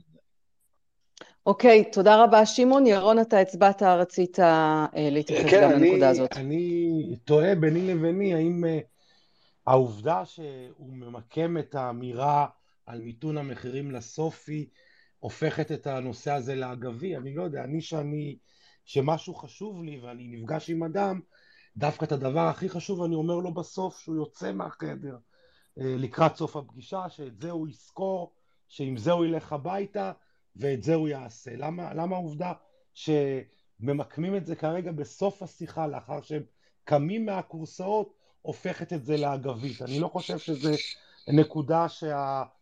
תביעה הצביעה אליה, להפך, זה משהו שהיה אחרי המשפט. עוד פעם, מחוץ למשפט הפכו את זה לאגבי. אני לא רואה את זה באגבי, דווקא מה שנאמר בסוף הפגישה הוא זה שזוכה ליותר דגש. למה לראות בזה... ואם זה, ואם זה רק, ואם זה, ואם זה, ואם זה, אני עוד, עוד אקשה, ואם זה נאמר רק על פני דקה וחצי, וכל שאר הפגישה הייתה על נושאים אחרים שנמשכו דקות אחרות, גם דקה וחצי לוקח? כן, הוא אמר, אני, גם הדקה וחצי אני הבנתי עם מי זה מיטיב, עם מי, עם מי זה, למי זה אמור להועיל. אני לא חושב שהמיקום הזה הוא אה, פוגע ב, ב, ב, בחוזק המשמעות של פגישת ההנחיה. בעיקר שהתיאור שלו דווקא ברענון הוא תיאור ויזואלי, אני זוכר את זה באופן ויזואלי, אני זוכר שהתלוותה לאיזה תנועת יד. זה לא, זה, אני, אני לא חושב שזה, אה, אה, התביעה תופסת את זה, אה, את השינוי בין החקירות לרענון, או התוספת ברענון, שזה היה בסוף הפגישה, כמשהו שמקאם אה, מהחשיבות של הפגישה. אני לא... Okay. אוקיי. מהחשיבות של ההנחיה. להפך, דברים שנאמרים בסוף הם הדברים שאיתם הוא היה צריך אוקיי. ללכת ולפעול. אוקיי. זאת הנקודה.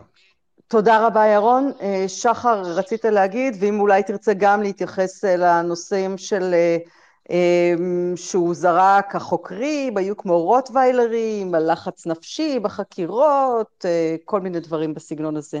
שחר. כן, אני לא יודע, אני לא יודע לפרש, או לא שאני לא יודע לפרש, אני, אני אזהר מלפרש למה נתניהו את הנושא של uh, תעזור לפילבר ותמתן את המחירים, אומר לו uh, בסוף הפגישה, uh,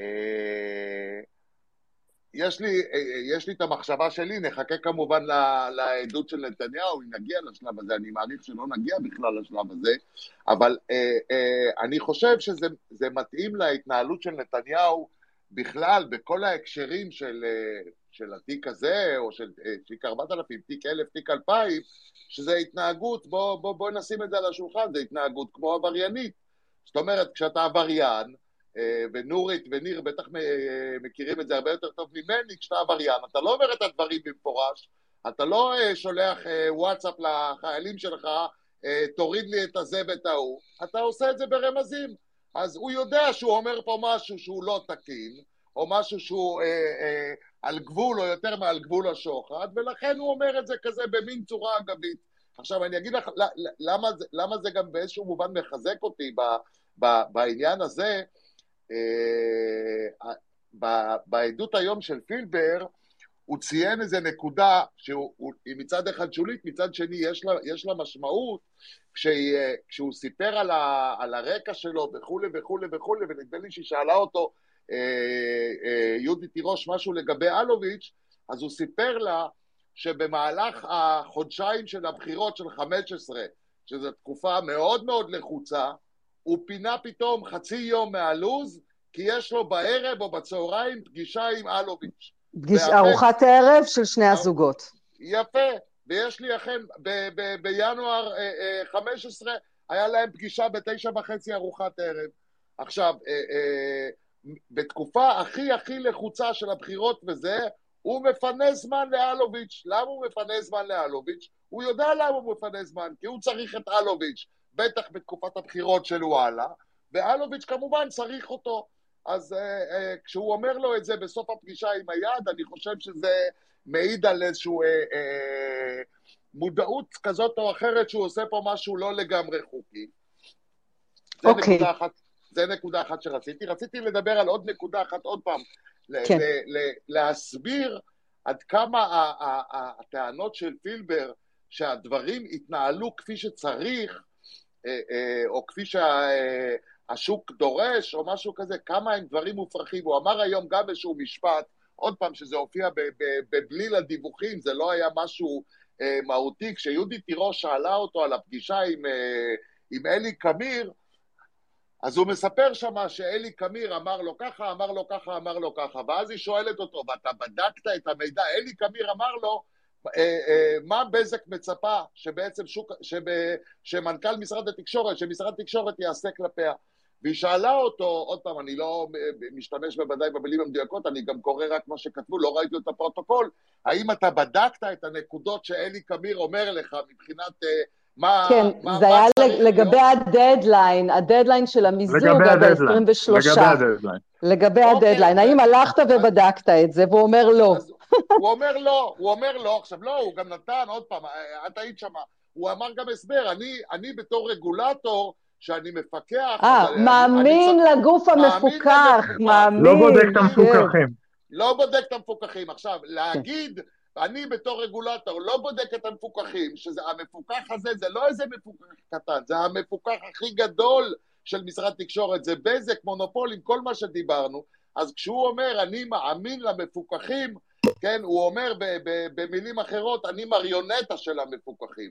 וזה עוד פעם הוכחה לעניין הזה של אה, אה, אה, לא יכול להיות מצב שרגולטור יגיד דבר כזה, בטח לא על חברה כמו בזק, וזה בדיוק מסתדר עם כל העניין שהוא שירת במשרד התקשורת את האינטרסים של בזק. עכשיו גם, ואני אסיים בעוד נקודה, כשהוא בא ואומר כל הזמן, אני למדתי את החומר, ואני רציתי לעזור למדינה, בקטע שהוא כמעט אה, בכה, ואני רציתי לעזור למדינה בזה.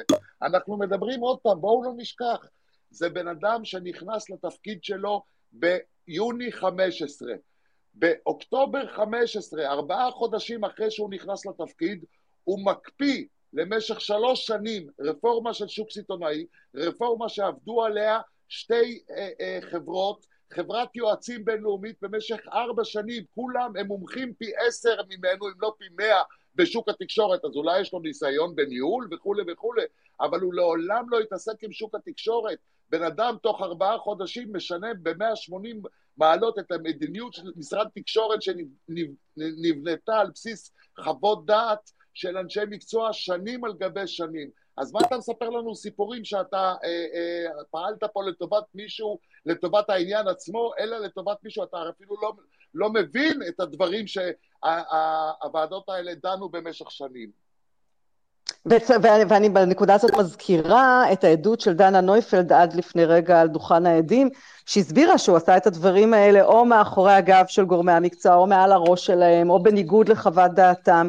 זאת אומרת, הוא פעל, הוא פעל פשוט uh, סולו במשרד, אה, חוץ מהגרעין כוורת הקטן שהוא גיבש לעצמו, אבל מעל, מעל הראש של כל הגורמים המקצועיים הרלוונטיים לדברים האלה. לכן אני אומר, וזה חשוב, זה מסתדר גם עם מה שניר אמר מקודם, הוא עד מדינה והעדות שלו צריכה כמובן סיוע וכולי וכולי, אבל העדות שלו, כן, שהתחלנו לשמוע אותה היום, שהוא פעל בשביל האינטרסים של אלוביץ' ולא מבחינת אה, אה, שיקולים נכונים של שוק התקשורת, העדות הזאת שלו מתיישבת לא רק עם, עם העדים הנוספים, כמו שאת אומרת, עם דנה נויפלד ועם אחרים, אבל העדות שלו גם מתיישבת עם המהות. ונחכה עוד נראה, יבוא הרן לבאות עם, עם הדוח שהוא הגיש, עם הודעת העדכון שהוא הגיש לבג"ץ וכל זה.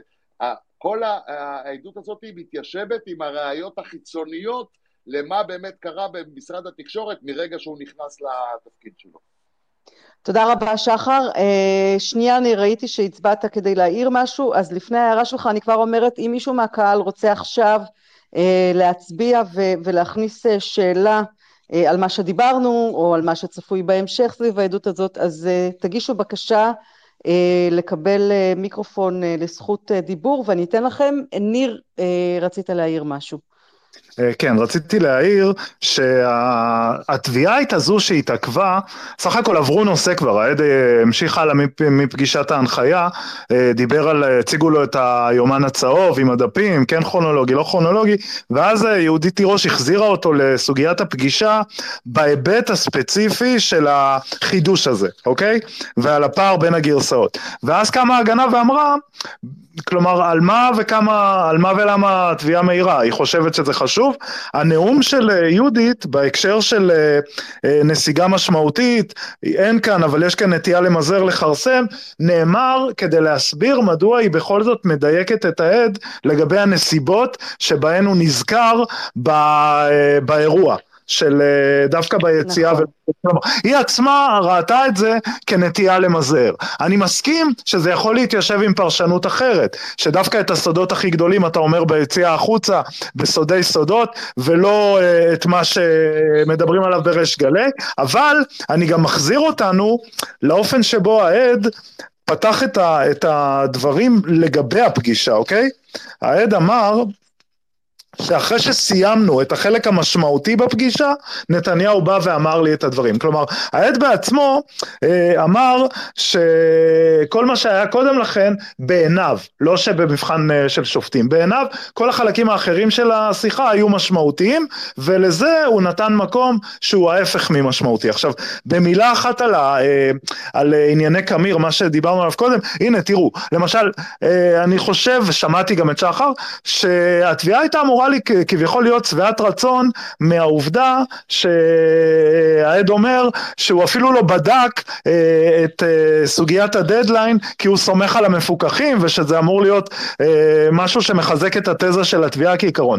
אז לא, אפילו שם התובעת בחרה לעשות לו רענון כדי שהוא ייזכר שהסיבה שהוא לא הקפיד אחרי בדיקת הדדליין זה כי נתניהו אמר לו ורק אחרי זה בגלל שהוא סומך, סומך על המפוקחים. כלומר, אפילו אפילו בנקודות של לכאורה היו יכולות להתיישב לא רע עם uh, תזת כתב האישום, או לפחות uh, להתיישב עם תזה מפלילה, uh, דווקא גם שם מצא לנכון התובעת לעשות רענון, אז זאתי עוד נקודה שמדגימה את ההקשר. עכשיו, עוד הערה לסדר שהיא צודקת, נכון שעד מדינה צריך סיוע, אבל אם אתה מזקק החוצה והעדות היא נטו נטו על עבירת שוחד, זה נכון שהחוק מאפשר לא להזדקק לסיוע ולהתבסס על עדות יחידה. כלומר, עבירת השוחד הטהורה, לא.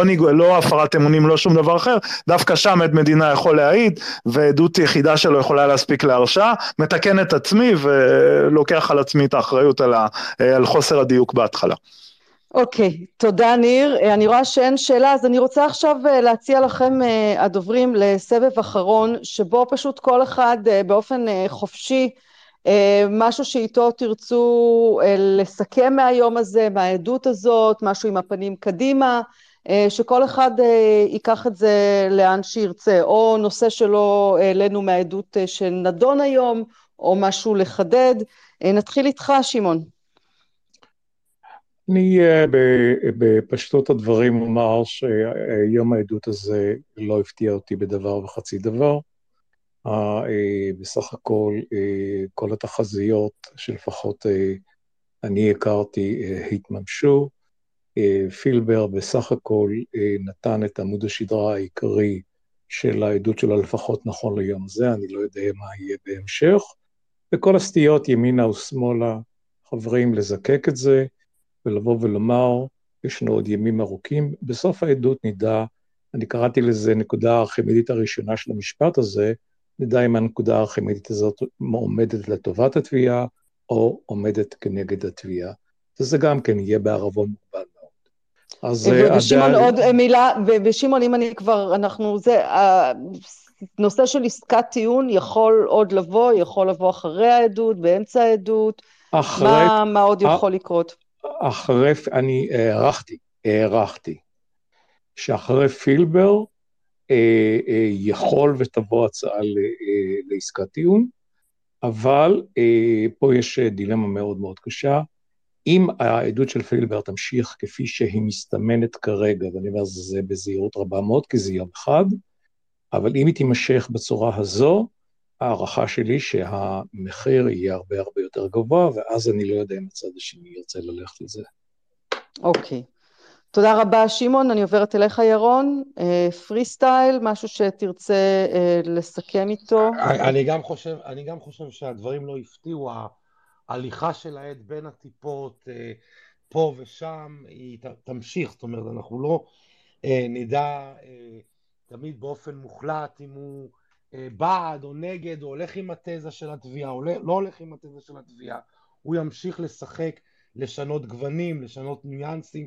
זה יימשך, עד כמה הוא יוכל, אה, עד, עד לאיפה הוא יגיע עם זה, ואם כן יהיו אה, אה, הכרזה על עד או, לפחות חלק מהאמירות יוגשו ב-10 א' זה אני לא יכול אבל לחזות, אבל אני בהחלט חושב שהמשחק הזה בין הצדדים יימשך, ואני גם חייב להביא, להגיד שאמירות מסוימות שלו, כמו אני פעלתי לטובת האינטרס של המדינה, אני למדתי את החומר, זה לאו דווקא בא מתוך איזשהו ניסיון או שניתן להסיק מזה מסקנות לגבי אה, התמסרות לתזה של התביעה או לא, אלא גם צריך להבין שאדם עומד על הדוכן, הוא לא, אה, אף אדם בעצם לא, לא יבוא ויגיד בפה מלא, אני פעלתי נגד האינטרסים של המדינה, אני פעלתי בלי לדעת על מה אני, מה אני עושה. זאת אומרת, ההגנה היא לאו דווקא על, על, על נתניהו, אלא גם הגנה על עצמו כאיש מקצוע, כאדם, כאזרח, הוא לא ינדב להציג את עצמו כעבריין, הוא ינסה למזער גם את החלקים שלו, ולכן לא כל אמירה okay. אוקיי. כזאת מצביעה לכיוון כזה או אחר, הוא גם מגן על עצמו קודם כל. כן. בסדר, ירון, תודה. אני מקווה ששמעתי את הכל, כי אני חושבת שלקראת הסוף אה, פחות אה, הצלחתי לשמוע. אה, תודה רבה. נורית, אלייך, סיכום שלך נכון לעכשיו. כמו כל דבר בתיק הזה, אנחנו בדרך סיזיפית, אה, ובדרך כלל הימים הראשונים הם הימים היותר טובים, אני מקווה שהפעם, אה, שזה יהיה קצת אחרת, אבל uh, ביום הראשון, בייחוד כי בחרו להתמודד עם הסוגיות הכי דרמטיות, אז התביעה בעצם קיבלה מה שהיא רצתה.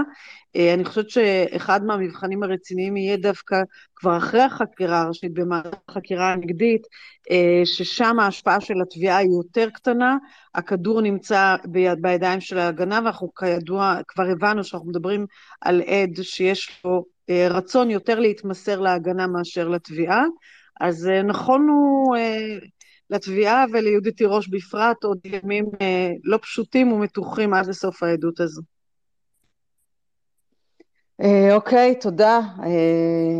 נכונו לכולנו. אני רק רוצה להגיד לכולם שהתביעה אמרה שיהיו תשע ישיבות של חקירה ראשית, נותרו שבע ישיבות עד אה, שפילבר נוסע לחופשה במהלך הפסח, ואז אה, אם הם לא יסיימו את החקירה במהלך שבע הפגישות האלה, הישיבות האלה, אז עוד שתי ישיבות, ישיבה אחת או שתיים אה, לאחר הפסח, ואז מחכה לנו חקירה נגדית שגם תימשך בוודאי לפחות תשע ישיבות, ואני מניחה שאפילו יותר.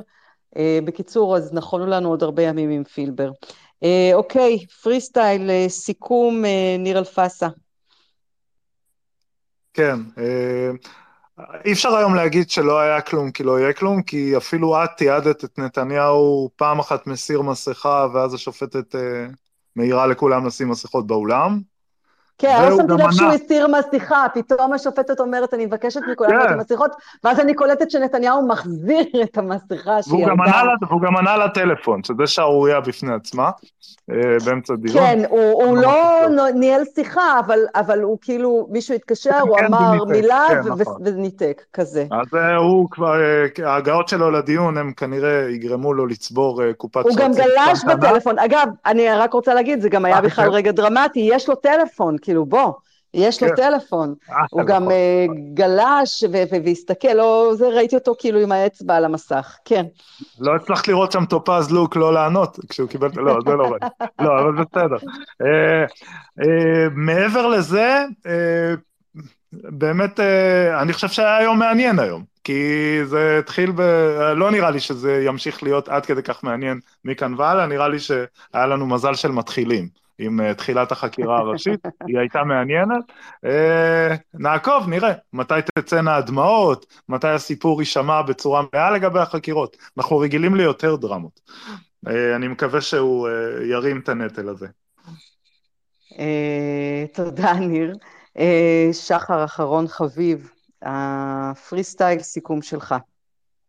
אני דווקא רוצה לא לדבר על פילבר, למה דיברנו עליו כל השעתיים האלה כמעט, אני רוצה לדבר על דנה נויפלד, שנחקרה. גם השבוע בעצם, יומיים.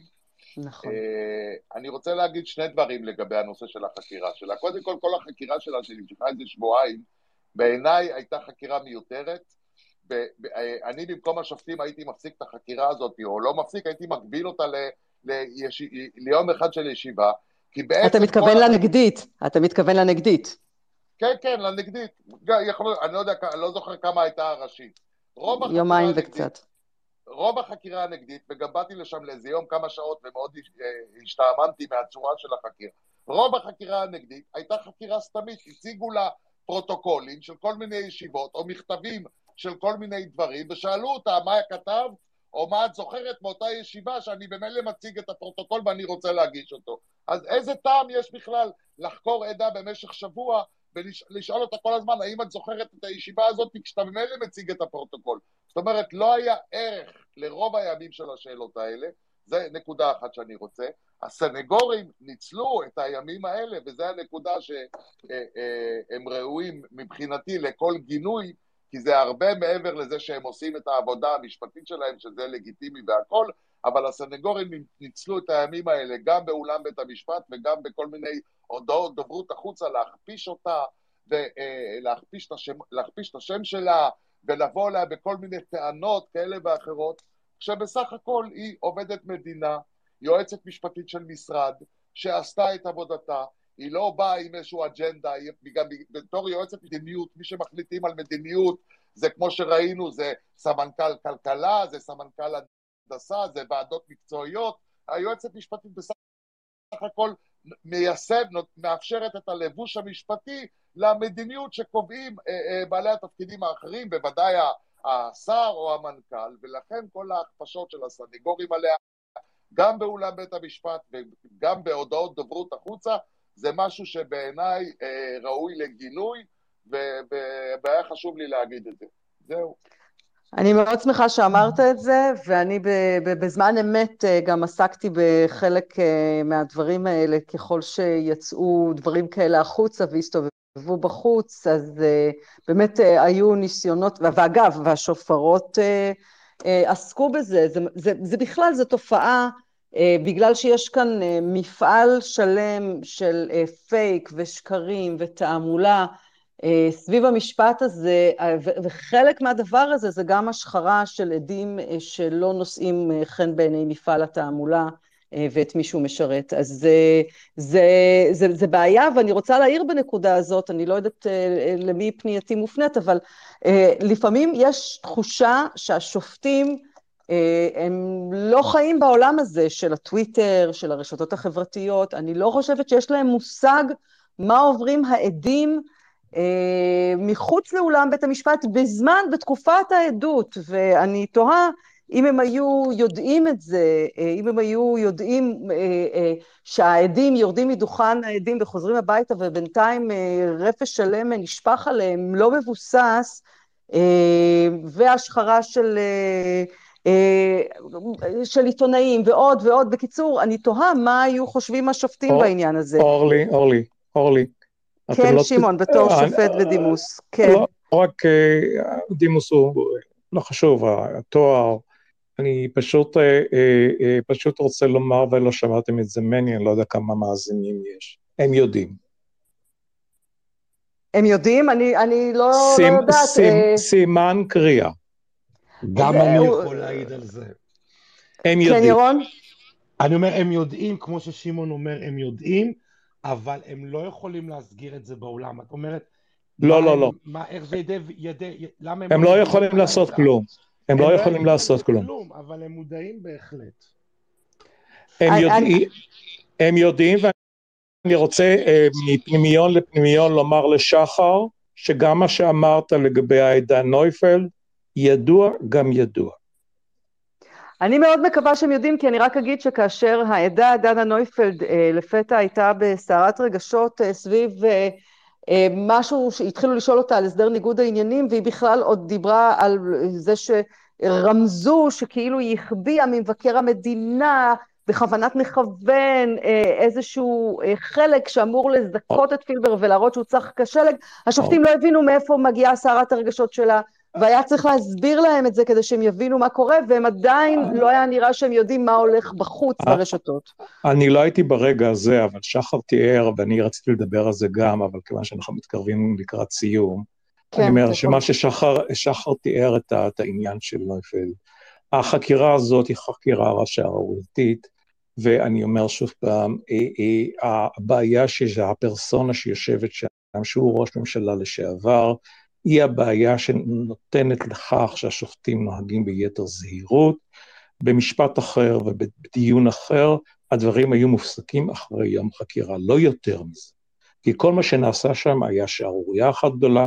אני כתבתי את זה בריש גלי, כי אני כרגע לא נושא בשום תפקיד, והדברים האלה ידועים גם ידועים, אבל לא רוצים לתת פתחון פה לאף אחד מהציבור. יש לזכור שכמעט מיליון איש חושבים שהאיש שעומד שם הוא קורבן לאיזושהי קנוניה אחרת. וזה דבר שצריך נורא להיזהר ממנו. אמרתי, המשפט הוא גם ציבורי, הוא גם משפטי. והנקודה הזאת צריכים גם כן לקחת בחשבון. טוב, אז uh, אני רוצה להודות, אני רוצה להזכיר uh, למאזינים שלנו ששורת הסיכום uh, שעולה מהדיון שלנו הערב זה ששוב התיק לא קרס. מה שאומר שבשבוע הבא תימשך העדות אה, של פילבר, אה, ואנחנו נראה אה, איך היא תתפתח, תימשך החקירה הראשית, ואנחנו נראה איך יתנהל המחול הזה בין עד המדינה לתביעה וההגנה. אני רוצה להודות למשפטנים שליוו אותנו הערב ועזרו לנו לנתח ולצלול לתוך נבחי היום הראשון לעדות של פילבר. אני רוצה להודות לשופט בדימוס שמעון שר, ואני רוצה להודות לנורית ליטמן, לשעבר המשנה לפרקליט המדינה. אני רוצה להודות לסנגור הפלילי ניר אלפסה, אני רוצה להודות לירון חיים. עורך הדין שגם עבד בעבר עם שופטים, ואני רוצה להודות לעורך הדין שחר בן מאיר, שהמומחיות שלו בבזק זה רק כי הוא תובע ייצוגי נגד בזק, והוא בעצם אחד מהאנשים שהכי בקיאים בכל הנושא הזה, אז כל פעם ש...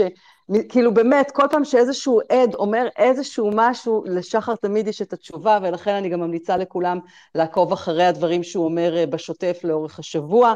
תודה רבה לכולם, לילה טוב, תהיו טובים, תעשו טוב, להתראות. תודה, תודה רבה. לילה טוב. לילה טוב.